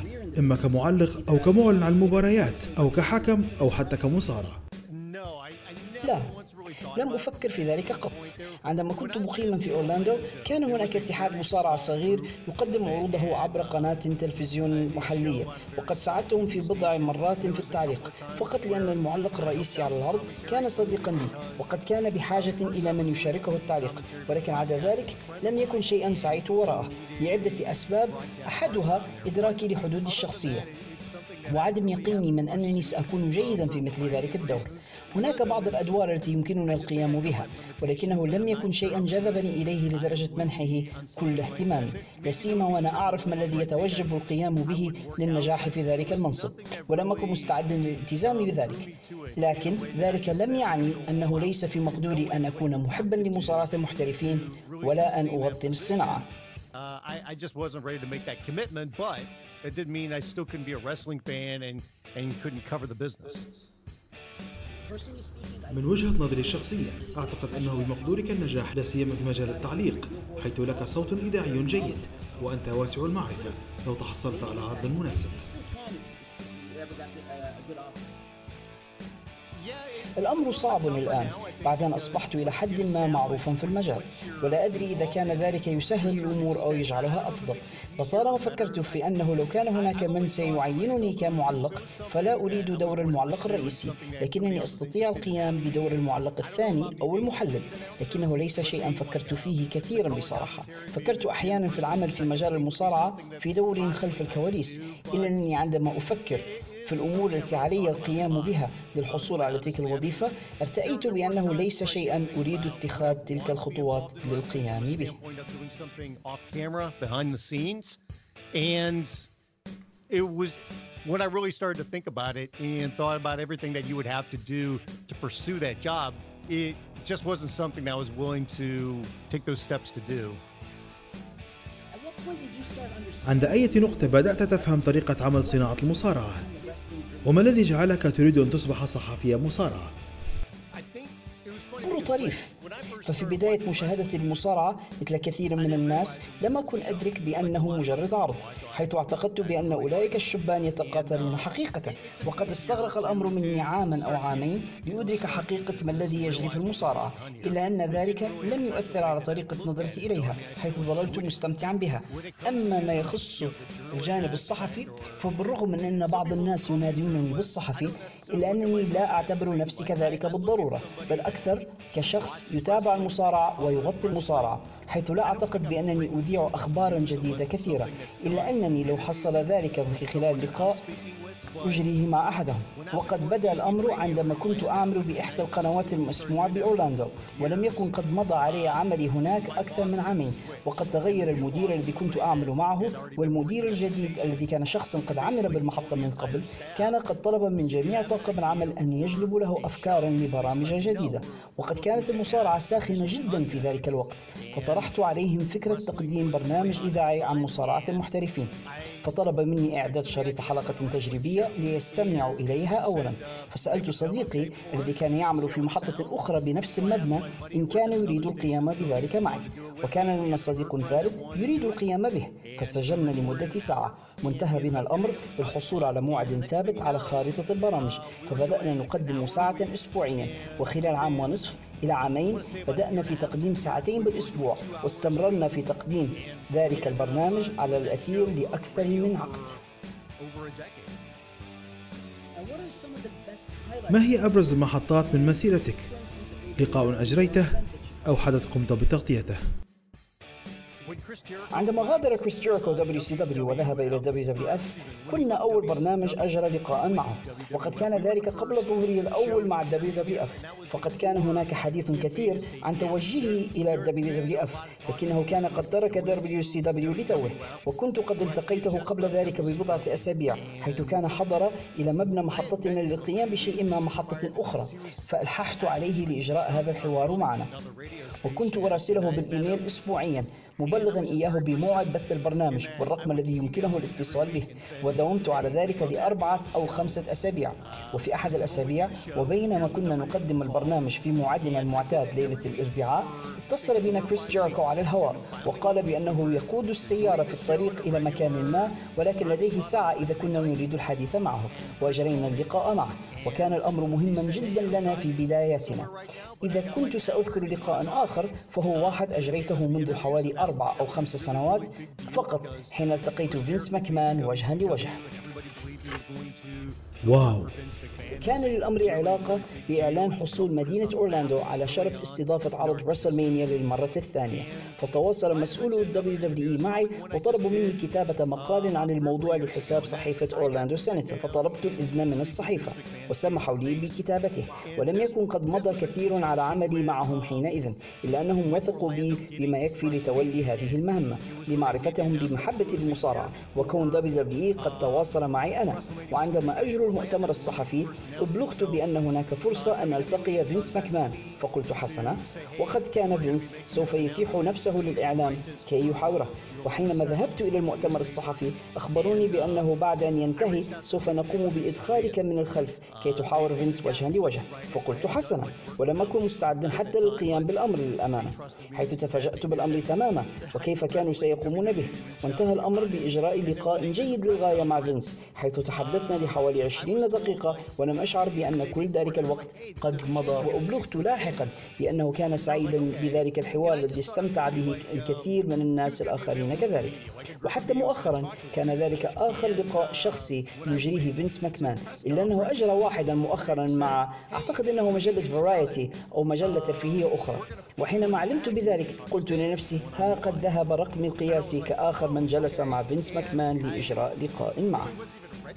Quite honestly. It was it was kind of one of the things that kind of just surprised me in the way they were going to do it, and uh, I ended up having a really good chat with Vince, and um, we spoke for about 20 minutes, and it didn't even feel like it was that long. And I was told he was very happy with the conversation, and a lot of other people enjoyed it.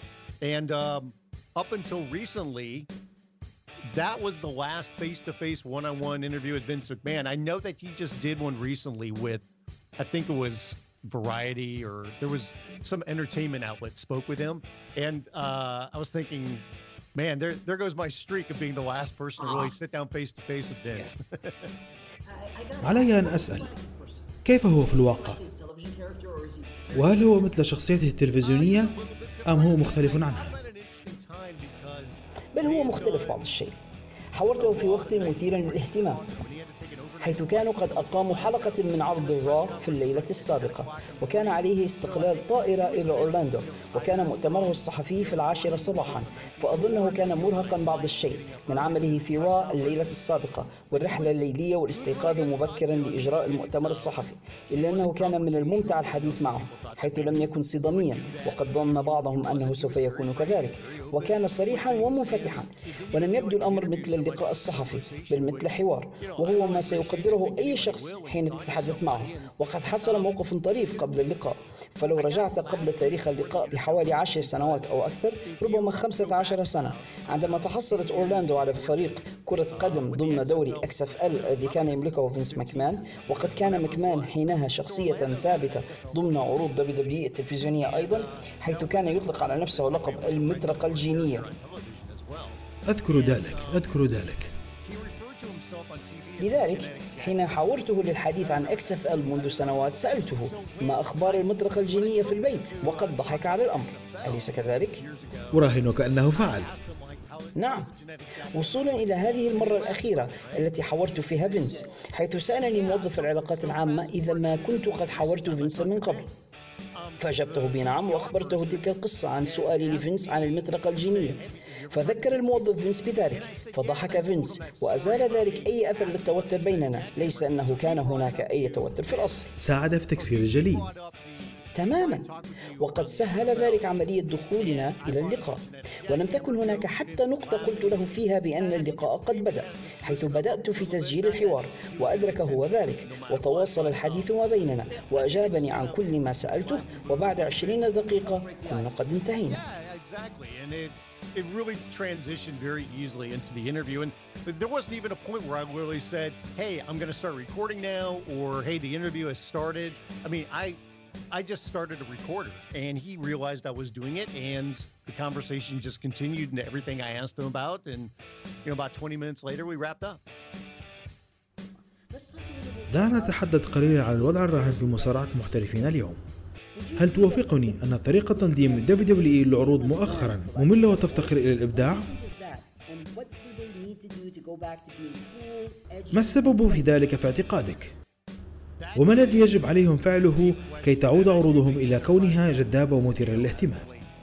WWE إن ذلك لسؤال عميق وبالفعل أعتقد بأن منتجهم قد أصبح مملا في الوقت الراهن حيث أصبحوا محبوسين قيد طريقتهم المعتادة في القيام بالأشياء. سوف ينظرون للأمر ويقولون إننا نجني أرباحنا الآن أكثر من أي وقت مضى ولدينا هذه الصفقات التلفزيونية الجديدة التي ستأخذ مفعولها لاحقا خلال هذه السنة حيث يدفعون لنا مبالغ مالية طائلة. وعليه فلا يمكن أن يكون كل شيء سيئا لأننا نربح أكثر من أي وقت مضى. إلا أن معدلات المشاهدة التلفزيونية منخفضة وأعداد المشاهدين آخذة في التدني عبر المنصات الأخرى. و WWE لم يعد ينظر إليه باعتباره تجارة جذابة في الوقت الراهن لا سيما حين يتعلق الأمر بمجموعة من شخصياته. وليصلح ذلك عليهم أولا إدراك بأن لديهم مشكلة ويعترفون بها. ومن ثم يقولون أن علينا القيام بشيء مختلف. أما عما هو ذلك الشيء المختلف فلست متأكدا تماما ما هو ولكن بودي أن أراهم يحاولون على الأقل. والأمر لا يتعلق فقط بتقديم مباراة كبيرة على التلفاز هذا الأسبوع ومرة أخرى في الأسبوع المقبل. أعتقد بأن عليهم إعادة خلط المعادلة وطريقة قيامهم بالأشياء وتجربة أشياء جديدة. لنرى إذا كان ذلك سوف يفلح بشكل أفضل. ولكن هل يدركون أن لديهم مشكلة حتى؟ هل يستمعون إلى برامج مثل برنامجك أو ربما مثل برنامجنا؟ هل يقرؤون تعليقات الجمهور في وسائل التواصل الاجتماعي؟ أو إنهم على علم المشكلة ولكن لا يريدون أو أسوأ من ذلك لا يستطيعون إصلاحها لأنهم لا يحسنون سوى أعتقد بأنهم يدركون بأن هناك مشكلة. أعتقد بأنهم قد وصلوا إلى هذه القناعة. على الأقل هم يدركون بأن هناك العديد من الجماهير الذين يقولون بأن WWE لم يعجد دابا في الوقت الراهن وبأن لديهم مشكلة. أعتقد بأنهم قاموا بالأشياء لفترة طويلة بطريقة معينة فأصبح من العسير عليهم التخلي عن ذلك. وأعتقد بأن معظم البشر هكذا. عندما نعلم بأن علينا القيام بشيء مختلف لكننا لا نفعل لأننا فعلناه طول الوقت بطريقة معينة. آمل أن يلقوا نظرة داخلية على ما يقومون به ويقولون لدينا مشكلة ما الذي علينا فعله حيال الأمر؟ وتلك في رأيي الخطوة الأهم. الاعتراف بأن هناك مشكلة وعلينا القيام بشيء مختلف فلنتخذ الخطوات للقيام به. أعرف بأنهم يتابعون وسائل الإعلام الاجت- الاجتماعي وأعرف بأنهم يستمعون من جماهير مختلفين وأنهم يدركون بأن هناك أناسا كثيرين يقولون عن هذه الشركة أنها مملة وأن عليهم التغيير وسيكون عليهم تغييرها. يبقى أن نرى ذلك. أوافقك تماما. عرض مواهب NXT أثبت أنه يقدم عروضا ذات قيمة عالية ويطور بعض المواهب المثيرة للإعجاب ولكن لسبب ما ما أن يتم تصعيد هؤلاء إلى العروض الرئيسية حتى يتم إساءة استخدامهم أو يضيعون وسط الزحام فلماذا يحصل ذلك في اعتقادك؟ هناك عدة أسباب مختلفة لذلك. أعتقد بأن للمواهب حرية أكبر حينما يتعلق الأمر بما يفعلونه داخل الحلبة في NXT وطريقة رواية القصص وتنظيم المباريات في NXT أكثر بساطة تهدف للعب على مشاعر الجماهير وجعلهم يتعلقون بالشخصيات. وهناك المزيد من القصص عن خلفيات الشخصيات وشرح لماذا ينبغي أن نعجب بأحدهم أو نشجع ضده. بهذه الطريقة تصبح متعلقا عاطفيا ثم أعتقد أن المباريات تعني أكثر عندما توضع على تلك المنصة لا سيما عروضا مثل تيك أوفر يحصل الانفصال عندما يضعون أولئك النجوم في العروض الرئيسية حيث يصبحون جزءا من بركة أكبر فيصبح من الأسهل أن يضيع المرء وسط الزحام. وأعتقد أن كتاب القصص في WWE هم أنفسهم الذين يكتبون في NXT وليس لديهم نفس المفهوم للشخصيات ولا يقومون بوضعهم في نفس الوضعية حين يتم تصعيدهم للعروض الرئيسية. وبالتالي يسهل أن يضيعوا في الزحام. كما أن الفوز بالخسارة لا يعني الكثير في العروض الرئيسية بينما لها قيمة في NXT وأعتقد أن NXT هو النموذج المثالي عن إمكانية قيام WWE بشيء يتبع معادلة بسيطة إلا أنها مجربة وناجحة في عالم مصارعة المحترفين على مدار السنين وبإمكانهم القيام به في العروض الرئيسية إلا أنهم يرفضون القيام بذلك حتى الآن that has worked for many, many years, and we can do this on the main roster. It's just they have refused to do it so far. الشيء الكبير القادم في الأفق اليوم هو AEW لماذا يعد الجميع بما فيهم WWE هذه الشركة الحديثة منافسا مباشرا لل WWE بينما يتجاهلون شركات ذات سجل حافل وتاريخ من أمثال ROH, TNA أو Impact Wrestling. أعتقد بأنهم ينظرون إلى AEW بشكل مختلف ولا أدري إن كانوا يعدونهم بمثابة المنافسة أم لا لكنني لا أعتقد بأنهم يقلقون بشأنهم خلافا لما يعتقده بعض الجماهير لكنهم يعرفون بأنهم على الرادار والفرق مع AEW يكمن في نقطتين الأولى المالك ملياردير لديه الكثير من النقود وسوف تحتاج الكثير من العقود لتبدأ اتحاد مصارعة جديد ليس فقط للبدء به بنجاح ولكن أيضا لتوسيعه وجعله تجارة ناجحة. يجب أن تكون لديك المقدرة على تحمل بعض الخسائر في البداية وعليك استثمار الكثير من المال ولديهم ملاك أثرياء. الشيء الآخر هو الصفقة التلفزيونية التي تحصلوا عليها ولا نعرف تماما الليلة التي سوف يعرضون عليها ولا عند أي ساعة. وإن كنا نعتقد بأنها ستكون في وقت المشاهدة الرئيسية هنا في الولايات المتحدة وسيكون مع شركة وورنر للإعلام التي تملكها شركة تيرنر وسيكون ذلك على قنوات TNT وذلك الوقت رئيسي وقناة رئيسية هنا في الولايات المتحدة. وذلك أمر لم يكن على WWE التعامل معه منذ زوال WCW عندما يتعلق الأمر ب Impact أعرف بأنهم كانوا على قناة Spike TV وهي أيضا قناة كبيرة هنا ولكنهم هم من أربكوا معادلتهم بسوء إدارتهم لشركتهم إلى الحد الذي هي فيه بالكاد على قيد الحياة الآن. ولكن عندما تنظر إلى ما يحصل مع AEW أعتقد بأن هناك أناسا أكثر ذكاء يتولون الكثير من من الأمور خلف الكواليس سواء من الناحية التجارية أو الإبداعية.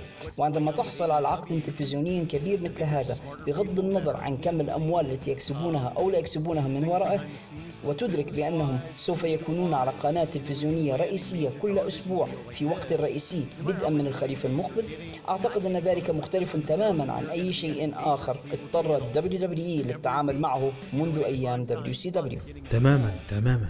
I think that that's totally different from anything else that WWE has faced going back to WCW. يعد الكثيرون توقيع WCW مع هولك هوغن في تسعينيات القرن الماضي بمثابة الشرارة التي أشعلت حرب ليالي الاثنين. في رأيك من هو ذلك النجم الذي لو وقع AEW معه؟ فسوف يقلب الموازين ويعلن وصول AEW إلى الساحة. سيكون من المثير للاهتمام أن نرى من بإمكانهم الحصول عليه. التوقيع مع دين أمبروز المعروف الآن بجون موكسلي. كان أمرا كبيرا للغاية. وآخرين بإمكانهم تغيير مسار اللعبة. هم مصارعون لن يكون في مقدور AEW الحصول عليهم. فمثلا رومان رينز لن يذهب إلى AEW وأنا واثق من أنه قد وقع مع WWE عقدا طويل المدى. وأعتقد أنه سعيد للغاية هناك. جون سينا أيضا لن ينتقل إلى أي مكان. وهو يتكلم مؤخرا عن الاعتزال. لو تكلمنا عن بعض المواهب الذين قد يكونون إضافات كبيرة ل AEW فما زلت مؤمنا بشينسكي ناكامورا وأظنه قد يكون إضافة جيدة لهم. لو شاء سيث رولينز الذهاب فسيكون ذلك إضافة ضخمة لهم وسيكون بمثابة تغيير للعبة. لكنني لا أرى إمكانية حصول ذلك ولا أعلم متى قد يكون متاحا. إلا أن ذلك سوف يكون الشيء المثير للاهتمام خلال السنوات القادمة بل ربما خلال الأشهر الستة إلى الثمانية عشر المقبلة أن نرى أي من المواهب سوف يصبح متاحا ممن عملوا في WWE ومن سيكون مهتما بالعمل في AEW ومن سوف تكون AEW راغبة في إنفاق النقود عليه للتوقيع معه. لأنه بالمقدور أن تنتهي عقود خمسين مصارعا في WWE هذا لا يعني أن AEW سوف يسعى للتوقيع معهم جميعا ولن يزيدوا عن التوقيع مع نخبة مختارة uh, expire in WWE, that doesn't mean AEW is going to go out and sign all of them. They're only going to sign a select few. أوافقك أوافقك يمكن المقارنة بين اي اي دبليو و دبليو سي دبليو من عدة أوجه. فكلاهما امتلكه ملياردير. كلاهما عرض على قناة تيرنر وكلاهما منافس مباشر لل WWE كان لدى WCW إيريك بيشوف. فمن مقابله في ال AEW؟ وهل تعتقد أن AEW ينبغي أن يعين أحدا مثل بيشوف أو فينس روسو أو أي من الشخصيات المؤثرة في حقبة حروب ليالي الاثنين؟ ما كنت لأعين أيا منهم إذا كان لابد من فعل شيء ما مع أحدهم أعتقد بأنه سيكون إيريك بيشوف. فقط بسبب خبرته لكنني لا أعتقد بأنهم يريدون فعل ذلك لمجموعة من الأسباب. لا أعتقد بأنهم يريدون جلب شخص مثل إيريك بيشوف إلى المائدة مهما كانت الخبرة التي يجلبها معه لأن جلب إيريك سوف يعيد إلى الأذهان ذكرى WCW ويزيد من المقارنة معه ليس فقط من أيام مجده ولكن اسمه مرتبط كذلك بالأيام السيئة ل WCW عندما انحدر وتعرض للإفلاس. أما عن الشخص الذي يعمل هناك فسأقول توني خان والذي هو ابن المالك ويشغل منصب الرئيس التنفيذي للاتحاد. توني شخص ذكي للغاية ومحب لمصارعة المحترفين للغاية وهذا هو مشروعه واعتقد بأنه مكافأة لإيريك بيشوف وسوف يجلب لأي دبليو شكلا شبابيا جديدا ولصناعة مصارعة المحترفين وما يريدون تقديمه من خلال منتجهم I think it would have to be the equivalent of an Eric Bischoff, and I think he's going to bring a different and fresh look to the way that we uh, look at the wrestling business and what they want to do with their product. إذا كنت ستقدم نصيحة ل AEW فبماذا تنصحهم؟ كي يتجنبوا ملاقاة نفس مصير WCW المحتوم أفضل نصيحة لهم هو أن يدركوا حدود ما يستطيعون القيام به عندما يتعلق الأمر بكم الأموال التي سوف ينفقونها لأن ذلك شيء سبب في نهاية WCW وأعتقد أنهم يدركون ذلك برغم جيوبهم المليئة ولكن ستكون لهم حدود بالرغم من ذلك. وبالتالي لا ينبغي أن يحلوا جميع مشاكلهم برمي النقود صوب المشكلة على أمل أن تصلح النقود المشكلة. الشيء الآخر هو أن يستمعوا إلى مشجعيهم وإدراك ما هم يرغبون في مشاهدته. لإبقائهم متعلقين بهم وهذا لا يعني مجرد وجود المواهب المناسبة هناك ولكن أيضا رواية القصص المناسبة ورواية قصص الناس مهتمون بمشاهدتها من أسبوع إلى آخر هذا السؤال أنا متأكد من أنك تحصل عليه دائما هل تعتقد بأننا سنشاهد سي أم بانك في حلبة المصارعة ثانية؟ وإذا كان الأمر كذلك فهل سوف يكون مع الدبليو دبليو إي أم مع اي دبليو؟ أعتقد أنه إذا كان سيفعلها ثانية فسيكون ذلك مع AEW لكنني لا أعتقد بأنه سوف يرجع إلى صناعة مصارعة المحترفين أعتقد بأن بانك قد نال كفايته منها ولديه اهتمامات أخرى وأن نظرته لصناعة المصارعة الآن هي كنت هناك وفعلت ذلك. ولا أدري إذا كانت لا تزال شيئا يثير اهتمامه أم لا. ولا أستطيع تخيل عودته إلى WWE أما ما يخص AEW فلديه أصدقاء هناك وأعتقد بأن الباب مفتوحا له وسوف يدفعون له الكثير من المال والجماهير سوف يستقبلونه بالأحضان لكن الأمر متعلق بما يريد هو القيام به ولا أعتقد أن سيام بانك هو شخص يسمح للنقود بالتأثير في قراراته الحياتية. وبالتأكيد سوف يحب أن ينال مرتبا عادلا وينال ما يعتقد أنه يستحقه.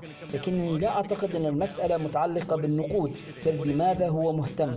وهل هو مستثمر عاطفيا؟ ولا أعتقد أنه مهتم بصناعة مصارعة المحترفين الآن. اتحاد Impact Wrestling يملك طاقم مصارعين مثير للإعجاب ويقدم عروض ذات مستوى رفيع في الآونة الأخيرة. ولكن لسبب ما لا يبدو أن لأي من ذلك تأثير على وضعية الاتحاد على خارطة مصارعة المحترفين ما سبب ذلك من وجهة نظرك؟ وماذا بإمكانهم أن يفعلوا كي يصبحوا لاعبا رئيسيا في الصناعة مرة أخرى؟ أعتقد بأنه سيكون من الصعوبة بالبالغ بمكان أن يرجع Impact Wrestling كلاعب رئيسي في صناعة من جديد وذلك لعدة أسباب أولها أن اسم علامتهم التجارية قد أصبح سيئا جدا الآن لأنه يعتبر بمثابة اتحاد مصارعة فاشل ونموذج فاشل وأشياء كثيرة مختلفة التي حصلت معه في السابق والتي لم تنجح وصولا إلى الآن حيث هم الآن على قناة تلفزيونية شبكة برسوت التي تقريبا لا يحصل عليها أحد وحتى الذين يحصلون عليها لا يدركون بأنها لديهم ولا يشاهدونها. ولقد واجهت Impact مشاكل في البرمجة مع هذه القناة كذلك.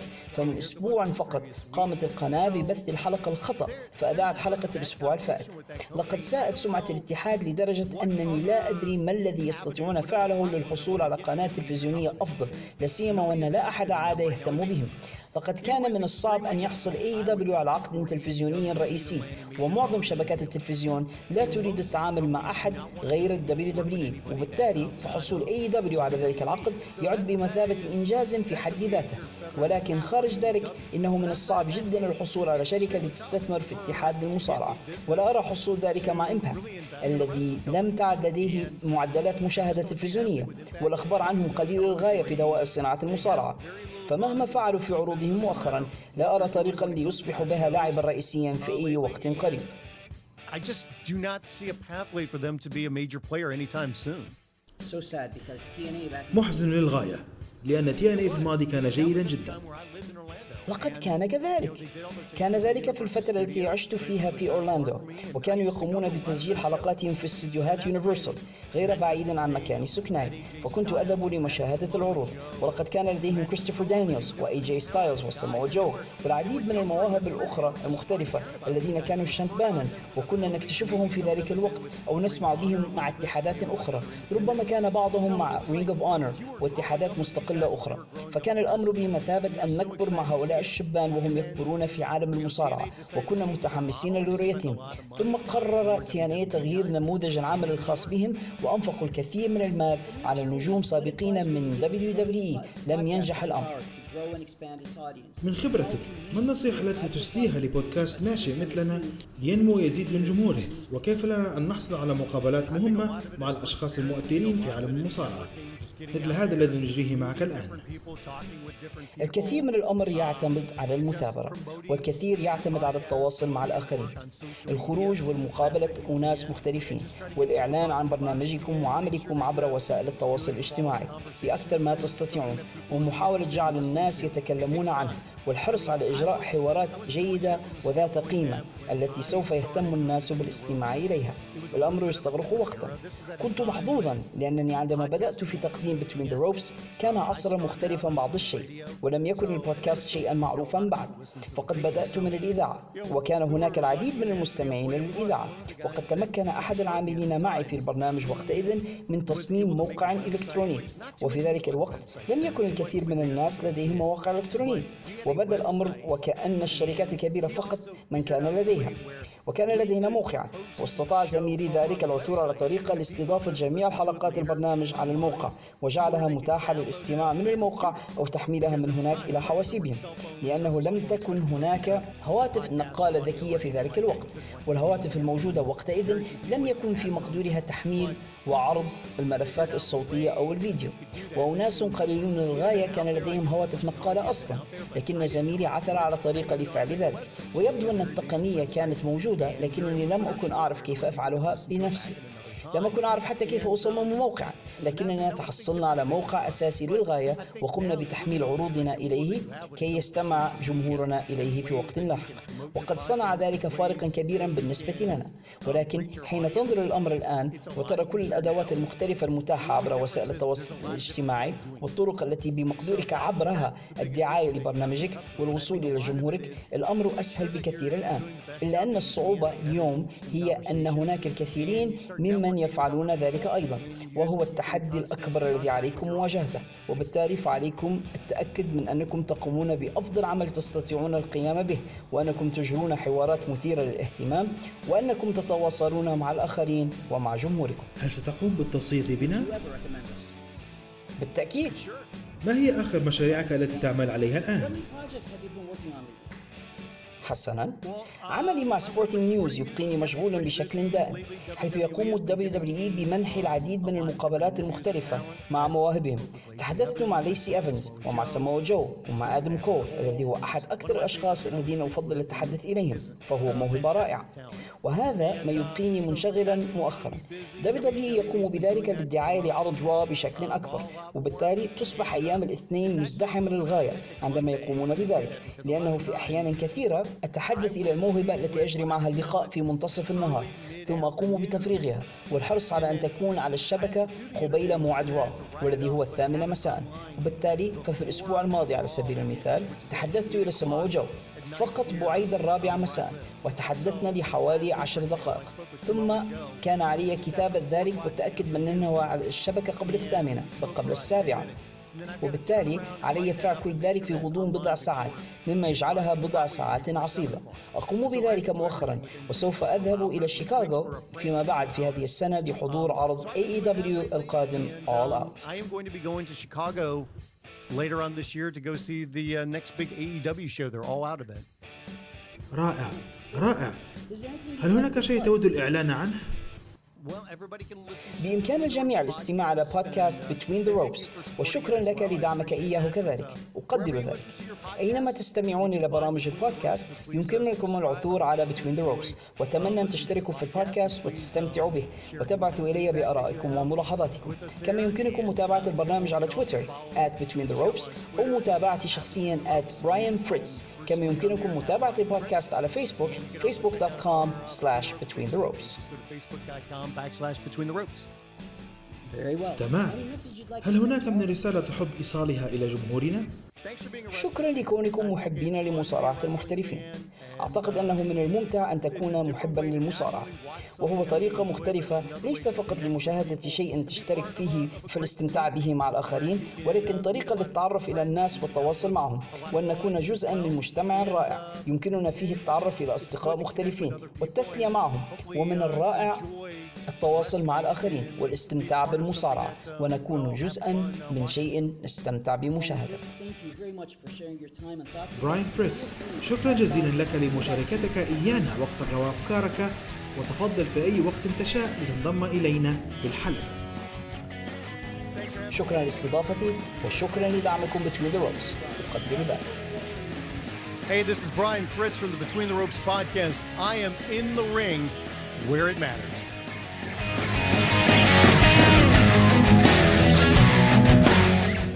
شكرا لك مرة ثانية براين فريتز على هذا الحديث الحصري الذي أجريته مع برنامج في الحلبة ونتمنى أن إحنا نتشرف بوجودك معنا مرة أخرى ضيفا عزيزا في هذا البرنامج. هذا كل ما كان لدينا لهذا الأسبوع. كذلك ما تنسوش ديروا لنا like و share و subscribe لصفحتنا في اليوتيوب كذلك عندنا group في وسط ال- الفيسبوك آه، من غير هذا كله طبعا إحنا بنقعدوا وياه قديش بنعددوهم كلهم. إيه، إن شاء الله. آه، عندنا في ال SoundCloud كذلك. نبدو الحاجة نور آه،. عندنا عندنا SoundCloud SoundCloud Cloud SoundCloud عندنا SoundCloud عندنا Player dot FM عندنا انستغرام عندنا فيسبوك عندنا يوتيوب وعندنا تويتر إحنا متقدمين بإذن الله تعالى ومستمرين معكم ونحاول قدر المستطاع أن إحنا نغطوا جميع وسائل شبكات التواصل الاجتماعي بحيث تلقونا في كل مكان. بس دوروا على الاسم كلهم نفس الاسم ها؟ بس دوروا على كلمة في الحلبة أو اكتبوا in the ring حتلقوا الشعار المميز متاعنا اللي تشوفوا فيه الآن يعني على الشاشة بالنسبة اللي يتابعوا فينا في اليوتيوب نفس أو أو اللي يشوفوا فينا أيضا في ال SoundCloud نفس الشعار هذا بس تلقوه في أي من وسائل التواصل الاجتماعي معناها أنت موجود مع عائلة in the ring وموجود مع جماعة out of the box productions. زي ما قلنا هذا كل ما كان لدينا لهذا الأسبوع. الوقت معنا كانت حلقة طويلة لكن طار بسرعة. موضوعات آه، جميلة وممتعة ومسلية. استنوا المزيد. نفس الزمان نفس المكان في الحلبة. In the ring where it matters. أقوى المواجهات وأكبر النزالات. كلها تجري في مكان واحد في الحلبة. In the ring. البرنامج الإذاعي الأول في ليبيا والوطن العربي لمصارعة المحترفين وفنون القتال المختلطة. في الحلبة. تغطيات تحليلات وأخبار من مختلف الاتحادات حول العالم. في الحلبة. مع عمر رقيح. نور الرابط. وعلاء الشريف. The best there is, the best there was, and the best there ever will be. And that's the bottom line. The Stone Cold so.